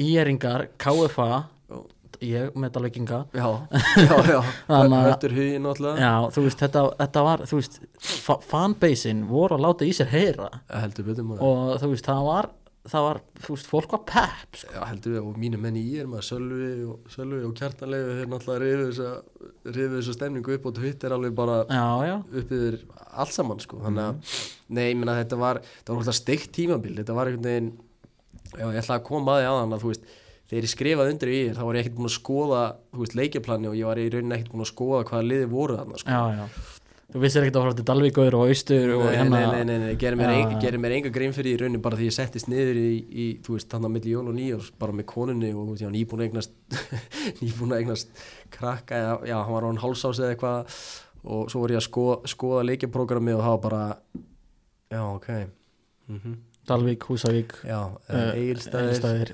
Breiðafjörður. Okay, þannig að þetta voru bara svona já, þetta voru heldur mikið að löngum dögum hérna höfna hótnafyrði og, og hérna þannig að þetta var já, þetta var, þetta var áhugavert því ég sá hvert við vorum að fara sko. Hvað, það var ekki Það var ekki, það var ekki mörg lið í annar deildinni í, á höfubrókastæðinu Nei, KVAF, IR um, KVAF, IR Haug, eh, Haugar og KFG þessi fjögulið held ég. Já, einmitt. Annars var þetta bara á landsbyðin sko. Já. Já, þú veist Þróttur vógum er svona já, já, næst nál- nálandi sko. Ég vil nú alltaf meina sko, hérna ég veit að Reykjanes bæjamaður hérna hlina mér er ekki saman mér að ef þú getur, eh, ef þú getur uh, unnið í, í Reykjavík já, og bú, þannig að þá ertu ekki á landsbyðinni já, einmitt það er, það er, já, algjörlega það er alveg pæling sko. Það er alveg pæling sko. Sorry, nefnvekingar, keflvekingar Grindvíkingar. Kjalanes, Já, hérna. Næstu Já, Selfoss. Þetta er, já, þetta var, þetta var, þetta var áhugavert, ferðalögi voru skemmtileg maður, þetta var, þú veist, og líka bara einhvern veginn, þú veist, ég var einhvern veginn bara, já, maður, ég var bara að sjúta allt inn, sko, það var gaman að komast þarna einhvern veginn, fara á velli sem ég aldrei spila áður, Álasfyrði og, veist, í Dalvík, rosalegu völlur í Dalvík, sko, mm. um, og fleiri stöðum, sko, veist, ég hafði einhvern tíma að spila á höfnmann í, einhver, í einhverjum byggarleik, en mikið af stöðum þarna sem ég aldrei kom á áður. einmitt. Eh, Þannig að það var svona, svona final season alveg á bara á- ástríðu Í, já, alveg 100% sko. Og líka bara, þú veist, þetta var eins og ég segja og líka bara hvernig tímbili spilaðist, þú veist, við byrjum náttúrulega fárulega vel hann, þú veist, vinnum Víking og Ól eitthvað, mann ekki hvað 9-0 eða eitthvað, um, eða 7-0 eða eitthvað uh, og höldum áfram og svo einhvern veginn um mitt mót þá töpum við bara einhverjum fjóru leikið með rauð og erum alveg dotnur út úr þessu og svo einhvern veginn á að klóra okkur áfram að vera í toppártun og endur svo að við að fara upp. Þetta var bara, þetta var allir skalinn sko. Ta Tapiði mitt sjö leikjum á tímulinu já, einmitt, sjö leikjum sko Já, og förum upp. Já, Þetta er bull. Gerir bara tvö jæðabli Já, reyndar. KFA gerir náttúrulega hvað? Átta jæðabli Já, einmitt. Hvernig hérna loka dagurinn Já, var svakalegur. Já. Þannig að uh, myndum aðeins á hvernig það var? Nei, sko, þetta var náttúrulega það sem að sko, næst seinast umferð var náttúrulega IR KFA í breiðaltinu þá, þá vorum við þrem stegum frá þeim og við jöfnuðum að hana í næst seinast umferðinni. Og svo förum við og náttúrulega þið vorum betri markatölu þá? Já, tölvöld betur markatölu sko. og förum svo á, á, á Eilstæði spilum mútið höftíðin og þeir eru að spila heima á móti ah, ég manna ekki alveg. Þeirra spilum út í Sindra. Sindra heima, já, já, já. Og þeir vinna sinn leik og við vinnum okkar leik bara mjög samfærandi og, Alls konar eitthvað samsæðarkenningar um að, Já, já. um Já, hérna, já, já. Sindri myndi leifa þeim að vinna stórt já, og, já, já, og að, að höttur myndi ekki reyna að vinna leikin úti þegar þú veist, þeir vildi ekki að KFA færi upp og eitthvað svona, en, en þetta var þetta var ótrúleitt, þetta var þessi seinustu, þessar seinustu tvæði þrjá umfyrir voru, þetta var náttúrulega seinustu, sko, þriðja seinustu umfyrir var Dalvik heima, gerum játöflið þar mm. svo vinnum við KFA og vinnum svo hött úti þannig að þetta er, og svo er þannig að eftir leikin á móti hætti það var náttúrulega bara partí en, en þið eruð á eilstöðum Já, ég veit það Það var, það var svona Já, ég meina við náttúrulega bara flugum heim og þetta var, þetta hefði maður vilja verið í bænum en, en við gerum gott partí úr þessu og ég enda á að fá mér í er tatt um kvöldið og þetta Einmitt. var bara í stuði sko. Þú ert með, í- ertu með fylgitatú?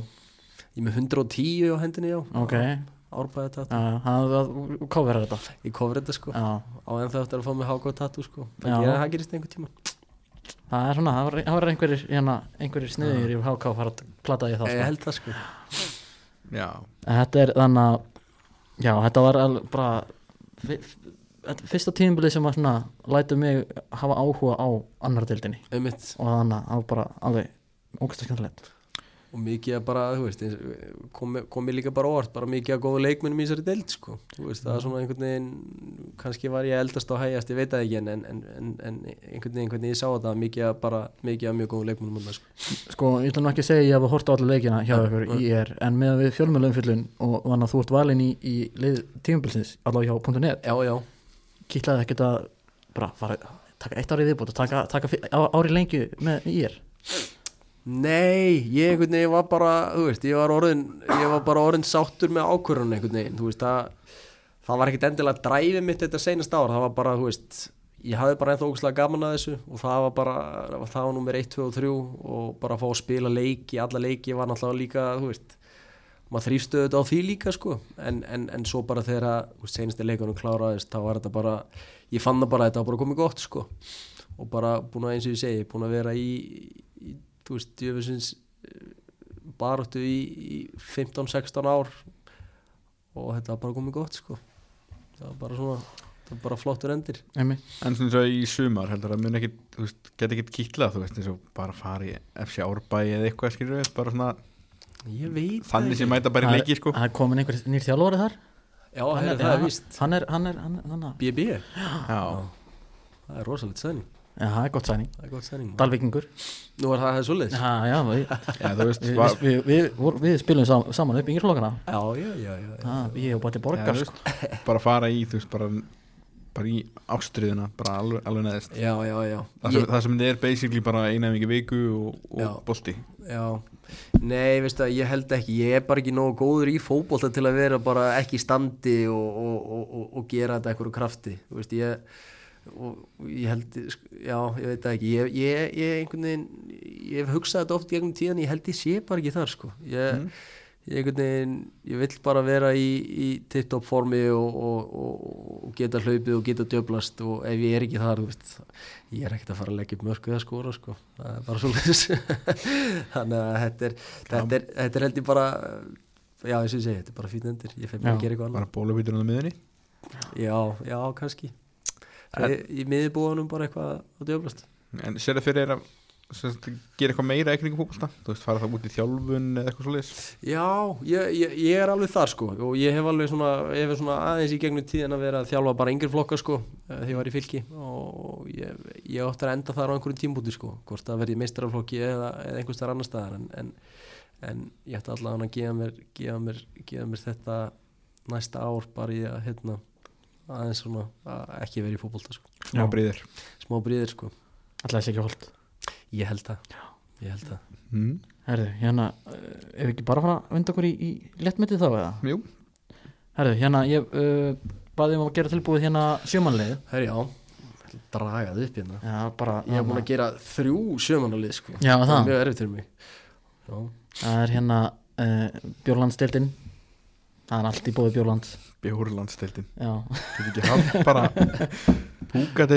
það, nei, hérna, þú veist uh, þetta er náttúrulega sko hérna, já, frá náttúrulega hérna, þetta er Dokkan Brugghús. Við tókum það fyrir í dag frá, frá er ekki? Dokkan Brugghús deildin, Dokkan deildin Takk fyrir. Það gott, Dokkudeildin. það já, Dok- það Dokkan deildin gott ná það er rosalega óþjólt ah, nei, Dokkandeldin Dokkan deildin, það hljóma finnst eða eitthvað? Það er svolítið já, hérna hér svo í næsta þætti er eitthvað ég- Ég þetta er bara, það. þetta er Heyrðu, já, hvað segir þið, hérna markmaður. Markmaður um, Þetta var alveg smá erfitt og alls sko.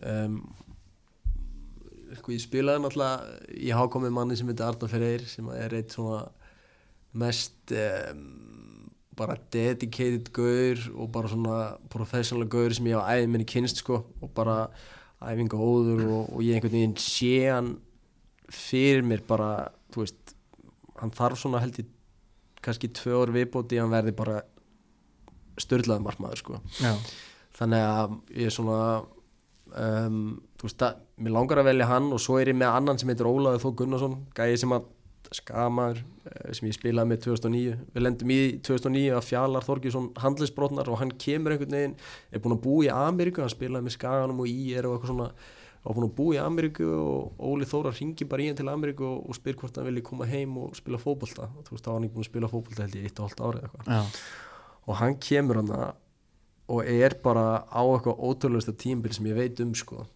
Og þannig að það, það var svona til að gera svo stutt að þá stóðu svona valið á milli þeirra tvekja en, en, en e, ég, ég ætla að velja Arnar Freyr. Já. Það er hérna og það er minn kýper sko. gott val. Hérna Hver- Hvernig ætla að stilla þessu upp? ég er að stilla þessu 2-3-1 Já, er jólatrið En hérna, áður nú bara, er, er eitt, eitt markmaður sem langar að spyrja þið úti Það er Já. hérna Ólaður Kristófer. Já, Hérna, náttúrulega bara mjög ungur. Já, uh, Hérna og Absolutt erfitt uppdráttar Þú veist, í, fyrst, í fyrst í bestu bestu deldinni Þegar hann spila fyrst En já, já.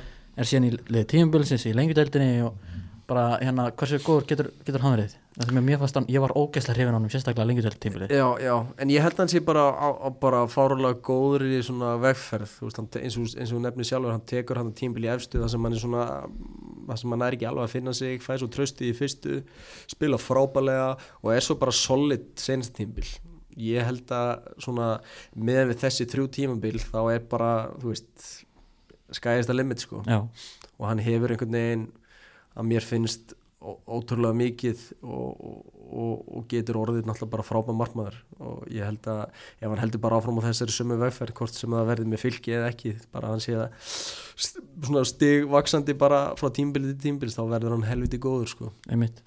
Ég bara, þannig að það er uh, hefur verið svona markmanns umræða hjá hinum og þessum svona uh, félögum í Every Sex. Já, uh, og mér finnst aldrei verið minnst á Óla á, hérna, Nei, hérna sem kost, mér finnst alltaf skrítið. Mér finnst hann svona mest spennandi svona ungi markmaðurinn sem er allavega í bestastöldinu núna já, sko. já, hann það bara, ég, ég held að það þurfi svolítið bara það sem honum vantar kannski eins og staðinu núna er bara svolítið svona að finna röddina sína sko. Já, og þegar það kemur þá, þá verður hann held ég ill við ráðanlegur sko en Arnari markmaðurinn förum í, í, í varnamenna yes, sko Þú veist, mér langar svo ég vil ekki bara velja einhverja eh, einhverja nostalgíu leikmennina sko, en, en, en ég verður reyndar að henda einu minn uh, í, í, í þess að tekja manna vörð það er maður sem heitir Einar Pétursson gæði sem að já, enn og aftur spilaði með 2009 og var strákur sem var bara hættur í fótbolta. Uh, Óli Þórða einhvern veginn dróna lappir og, og gerðan bara einhverjum svona mest delli hafsend í deildinni bara þetta, þetta tímabil sko. Svo reynda svona að fjarað undan því og hann hætti held ég bara árið eftir sko. En, en hann var ótrúlega þetta sísón og var svona bara var einhvern veginn svona bara bara vítits típa. Var ekkert frábær fótboltamaður en hann gjöð samlega hent sér allt og, og átt alla og hann var ótrúlega sko. Mm. þannig að hann fær þetta hann fær þetta plási í vörðunni hjá mér. Já, um, já, ég sko svo, svo er ég með þetta er nú ekki gott fyrir egoðan sko en, en, en, ég ætla samt að leifa, velja leif andra sko. Já, þetta er, um, ég held að sé gott að hafa þetta kombo sko, eina Pétur sem er algjör mann þetta og svo ertu með leif sem er svona já, hann, hann er mikið sjálfströst og hefur mikið álit á sjálfum sér og, og það, þú vilt alltaf hafa þannig menn í, í þínu liði sko.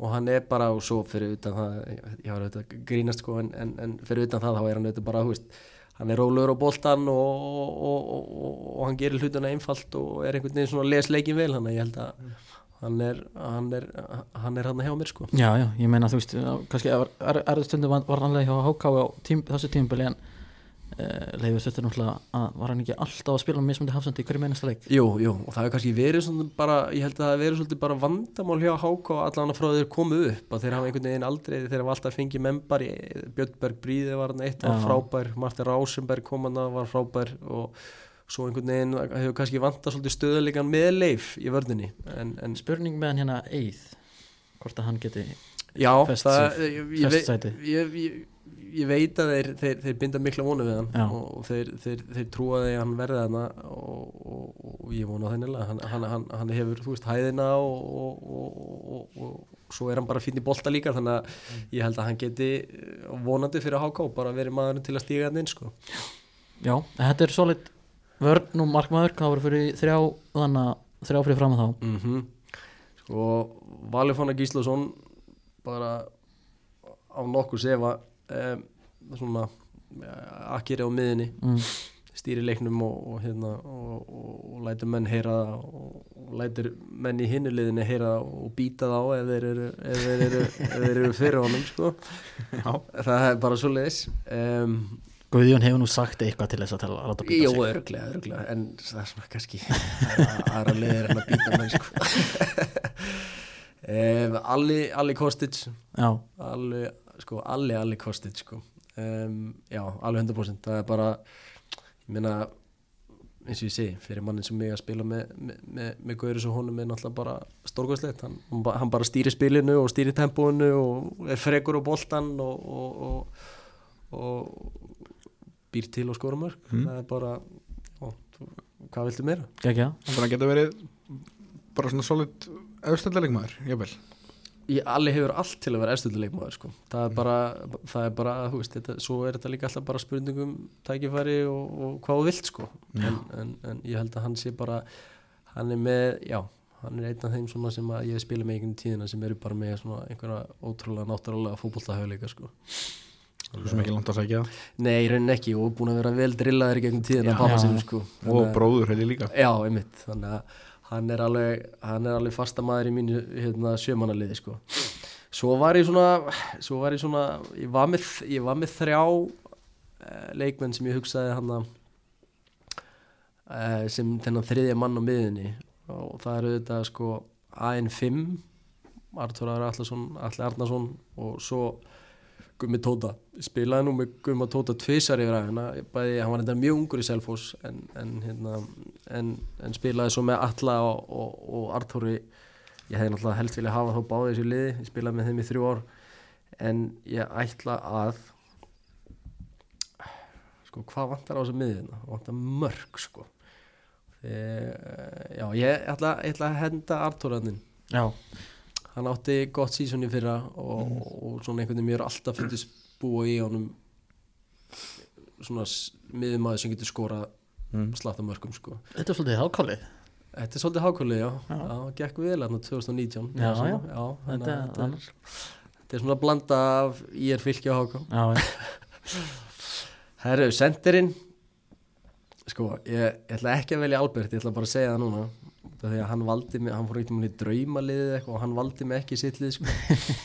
en ég ætla ekki að velja hann ég ætla bara að segja það núna um, hann en geggjaða sendir og, og bara átti útrúlega góðan feril maður Íslandsmeistar með F og ma- markameti og fylki og var einhvern veginn svona var einhvern veginn alltaf bara hársbreytt frá því fannst mér að vera bara stórkostluður sendir sko já. En hann átti þetta bara, þú veist, eins og ég sé geggjaðan feril og, og, og gerði vel með fjölinu og kórdrengjum og hann á allt ráskili en ég ætla ekki að velja hann samt. Ég ætla að velja Sæfa Gísla. Já. Já, þá er ég svona búin að, þú veist þá er ég búin að taka úr Háka, úr Fylki og, og svo Selfoss. Geggjað. Það var með þetta. Og Óli Þóla að að Að sjálfsögð Þú er, er aðstofþjálfari já, ég verði aðstofþjóðlega, ég er með honum ég, ég hérna fæ að, að, að læra hann á honum. Þetta er, herðu, ég held að þetta sé bara þetta, sé, þetta, þetta er þjálfara teimi sem að verður einhvern tíma hvernig Óli? Þórðar og, og, Áskipörku já, Jesus ha, það er rosalega það, þetta, þú veist tvö- tvö- Það er engin- 2025 eða eitthvað Já. tímabilið Vitleysa 2025. þar, sko. Nei, við þurfum að, við, við- nú þurfum við bara að finna okkur eitthvað lið sko já, bara þú veist þannig að eitthvað lið sem er í fallbartu mitt, mitt tímabilið næst sem sko. það í gang já, Já. Æ, ég held það sko. Herðu, eitt að lókum árunni Yes. yes. þá ætlum við að hérna að búa þi- til í FIFA Já. Þú hefur kannski einhvern tíma verið með FIFA-kart kannski þú varst í Gæs eða Sarsborg eða Nei, ég held, ég held, jú, ég var held ég þegar ég var í Sarsborg Já, þá fekk ég hann að fekk ég my 15 minutes of fame sko. já. En við ætlum að, við ætlum að búa þetta til hérna, og bara frá uh, grunni hérna bara upp á þitt besta. Yes. bara og þá hérna ætlum við að velja uh, spila FIFA eitthvað? Eh, Nei, ég prófið að lúsur maður sko. Já, ok. Við ætlum að, að uh, það er svolítið dött ég veit að Við ætlum að velja þá bara að sex stats og síðan overall. Og þannig að uh, þá byrjum við bara að velja pace hvað Yes. hérna 0 upp í 99 Þú veitur, fæ ég að ráða? þú ætlar að hafa sko Ok Býtu, Hvað á er- ég að vera, á vera raunhæfur eða á ég að vera þú ætlar að ruglaður? mæla þetta á svona íslenskum bestu deild á skala þegar þú ert upp á, upp á besta sko Ok, þú veist hérna, hérna flestir þannig að leikmennir eru til dæmis í overall er í kringum svona milli 8, 10 og 90 sko ok Ok Þannig að pace. Ég var nú helviti röskur hérna day sko. Já, um, upp og niður. Upp og niður, box to box sko. Um, yeah, 75 eða? 75 er bara fínt. Ég seti ég sko. Já. og shooting. Það er kannski ekki mörg mörg. Það er ekki það er, hva, hversu niðurlega get ég farið? Ég það er bara, þú veist ekki fara neðar en 40 ok, 42 ok. Þannig að ég, ég, skal, ég, skal, ég, skal, ég skal lefa því að slæta þannig að eitt svona liðlegt stað ok, ok. Það gæti KSI síðan allan, þá var þetta 431 leikur og 11 mörg. Já, Já, sel, ég var kantmaður í Selfoss sko. Sérðu? Sérðu. Herri, ja, herri Hendum við, ef ekki hendum sér 50 bara. 50, jú, er það ekki? jú, það er svo lit passing, sendingar, það er, það er hann betri. Jú, jú, ég, ég er lungin í, í, í nokkra metra sendingunum, ég veit ekki hérna það. Um, bara spila einfalt, þarf ekki meira. 78 78 gott, Já. dribbling, reykjaboltan um, Hvað var ég með í shooting? 50, dribbling 58 já, ef ekki að fara aðeins upp, upp, upp fyrir 60 Yfir 60, ok, Já. 65 já, flott. Þannig að, og nú, núna komum við einhverju góði Er fyrir er það ekki? defending, Já, pff, 80 og 88 já þannig að hann líst mér, mér miklu betur á það sko. 88 og, og physical síðast. Það er bæði úthald og styrkur og hopp og Já. þú veist. 90 90 Nei, nei, rólur uh, Já, við getum, jafnvel að fara að herra sko. Er það? Já, já, Aggression er inn í þessu aggression er inn í þessu. Ok, herri, hend, jú, hendum í 90 bara í, hvað var, strength? Nei, F- physical. Physical, já. 90 physical og þá fyrir við bara í overall. Já. þú að spila CDM Já, ekki, já 75 pace 88 defending, 90 physical. Erum við ekki einhver staðar 80 eitthvað? það erum við að rekna þetta? já, neð, þú bara, þú ræðir Já, já, að ég slumpa á já, þetta? já, já sting upp á 86 Já, er það ekki? 87 87, Já, já, Svona solid Magalele kart já, Já. ég fíla það. já, Hann er einmitt hérna Magalele í Icon kartna sem er 48 í shooting. Já, það ég, ég er bæðið, sko, þú veist, ég er búin að detta inn í FIFA, sko.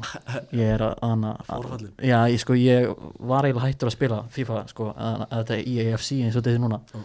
En þannig að ég er alveg dottir inn í þetta núna maður. Þannig að ég myndi nota þetta kart Já. sem að við erum búið til núna. sko, sko, út í ég sagði PS á hann ég, sko, ég er bara búin að spila PS síðan ég var í árbæðskóla og ég og Berti, sko, ég og Berti höfum hist nokkur sem ári og spila PS bara seinast í fyrra, sko. PS er ekki lengur til Nei, en sko, hann er svo mikill lúði. Að hann er sko með gamla PS en er búin að uppdæta alla pakkana. Já, Fattar hvað ég meina? Þannig að þú veist, það er öll nýjastu transferinn og nýjastu búningarnir og nýjastu logoinn og þannig að, já, já.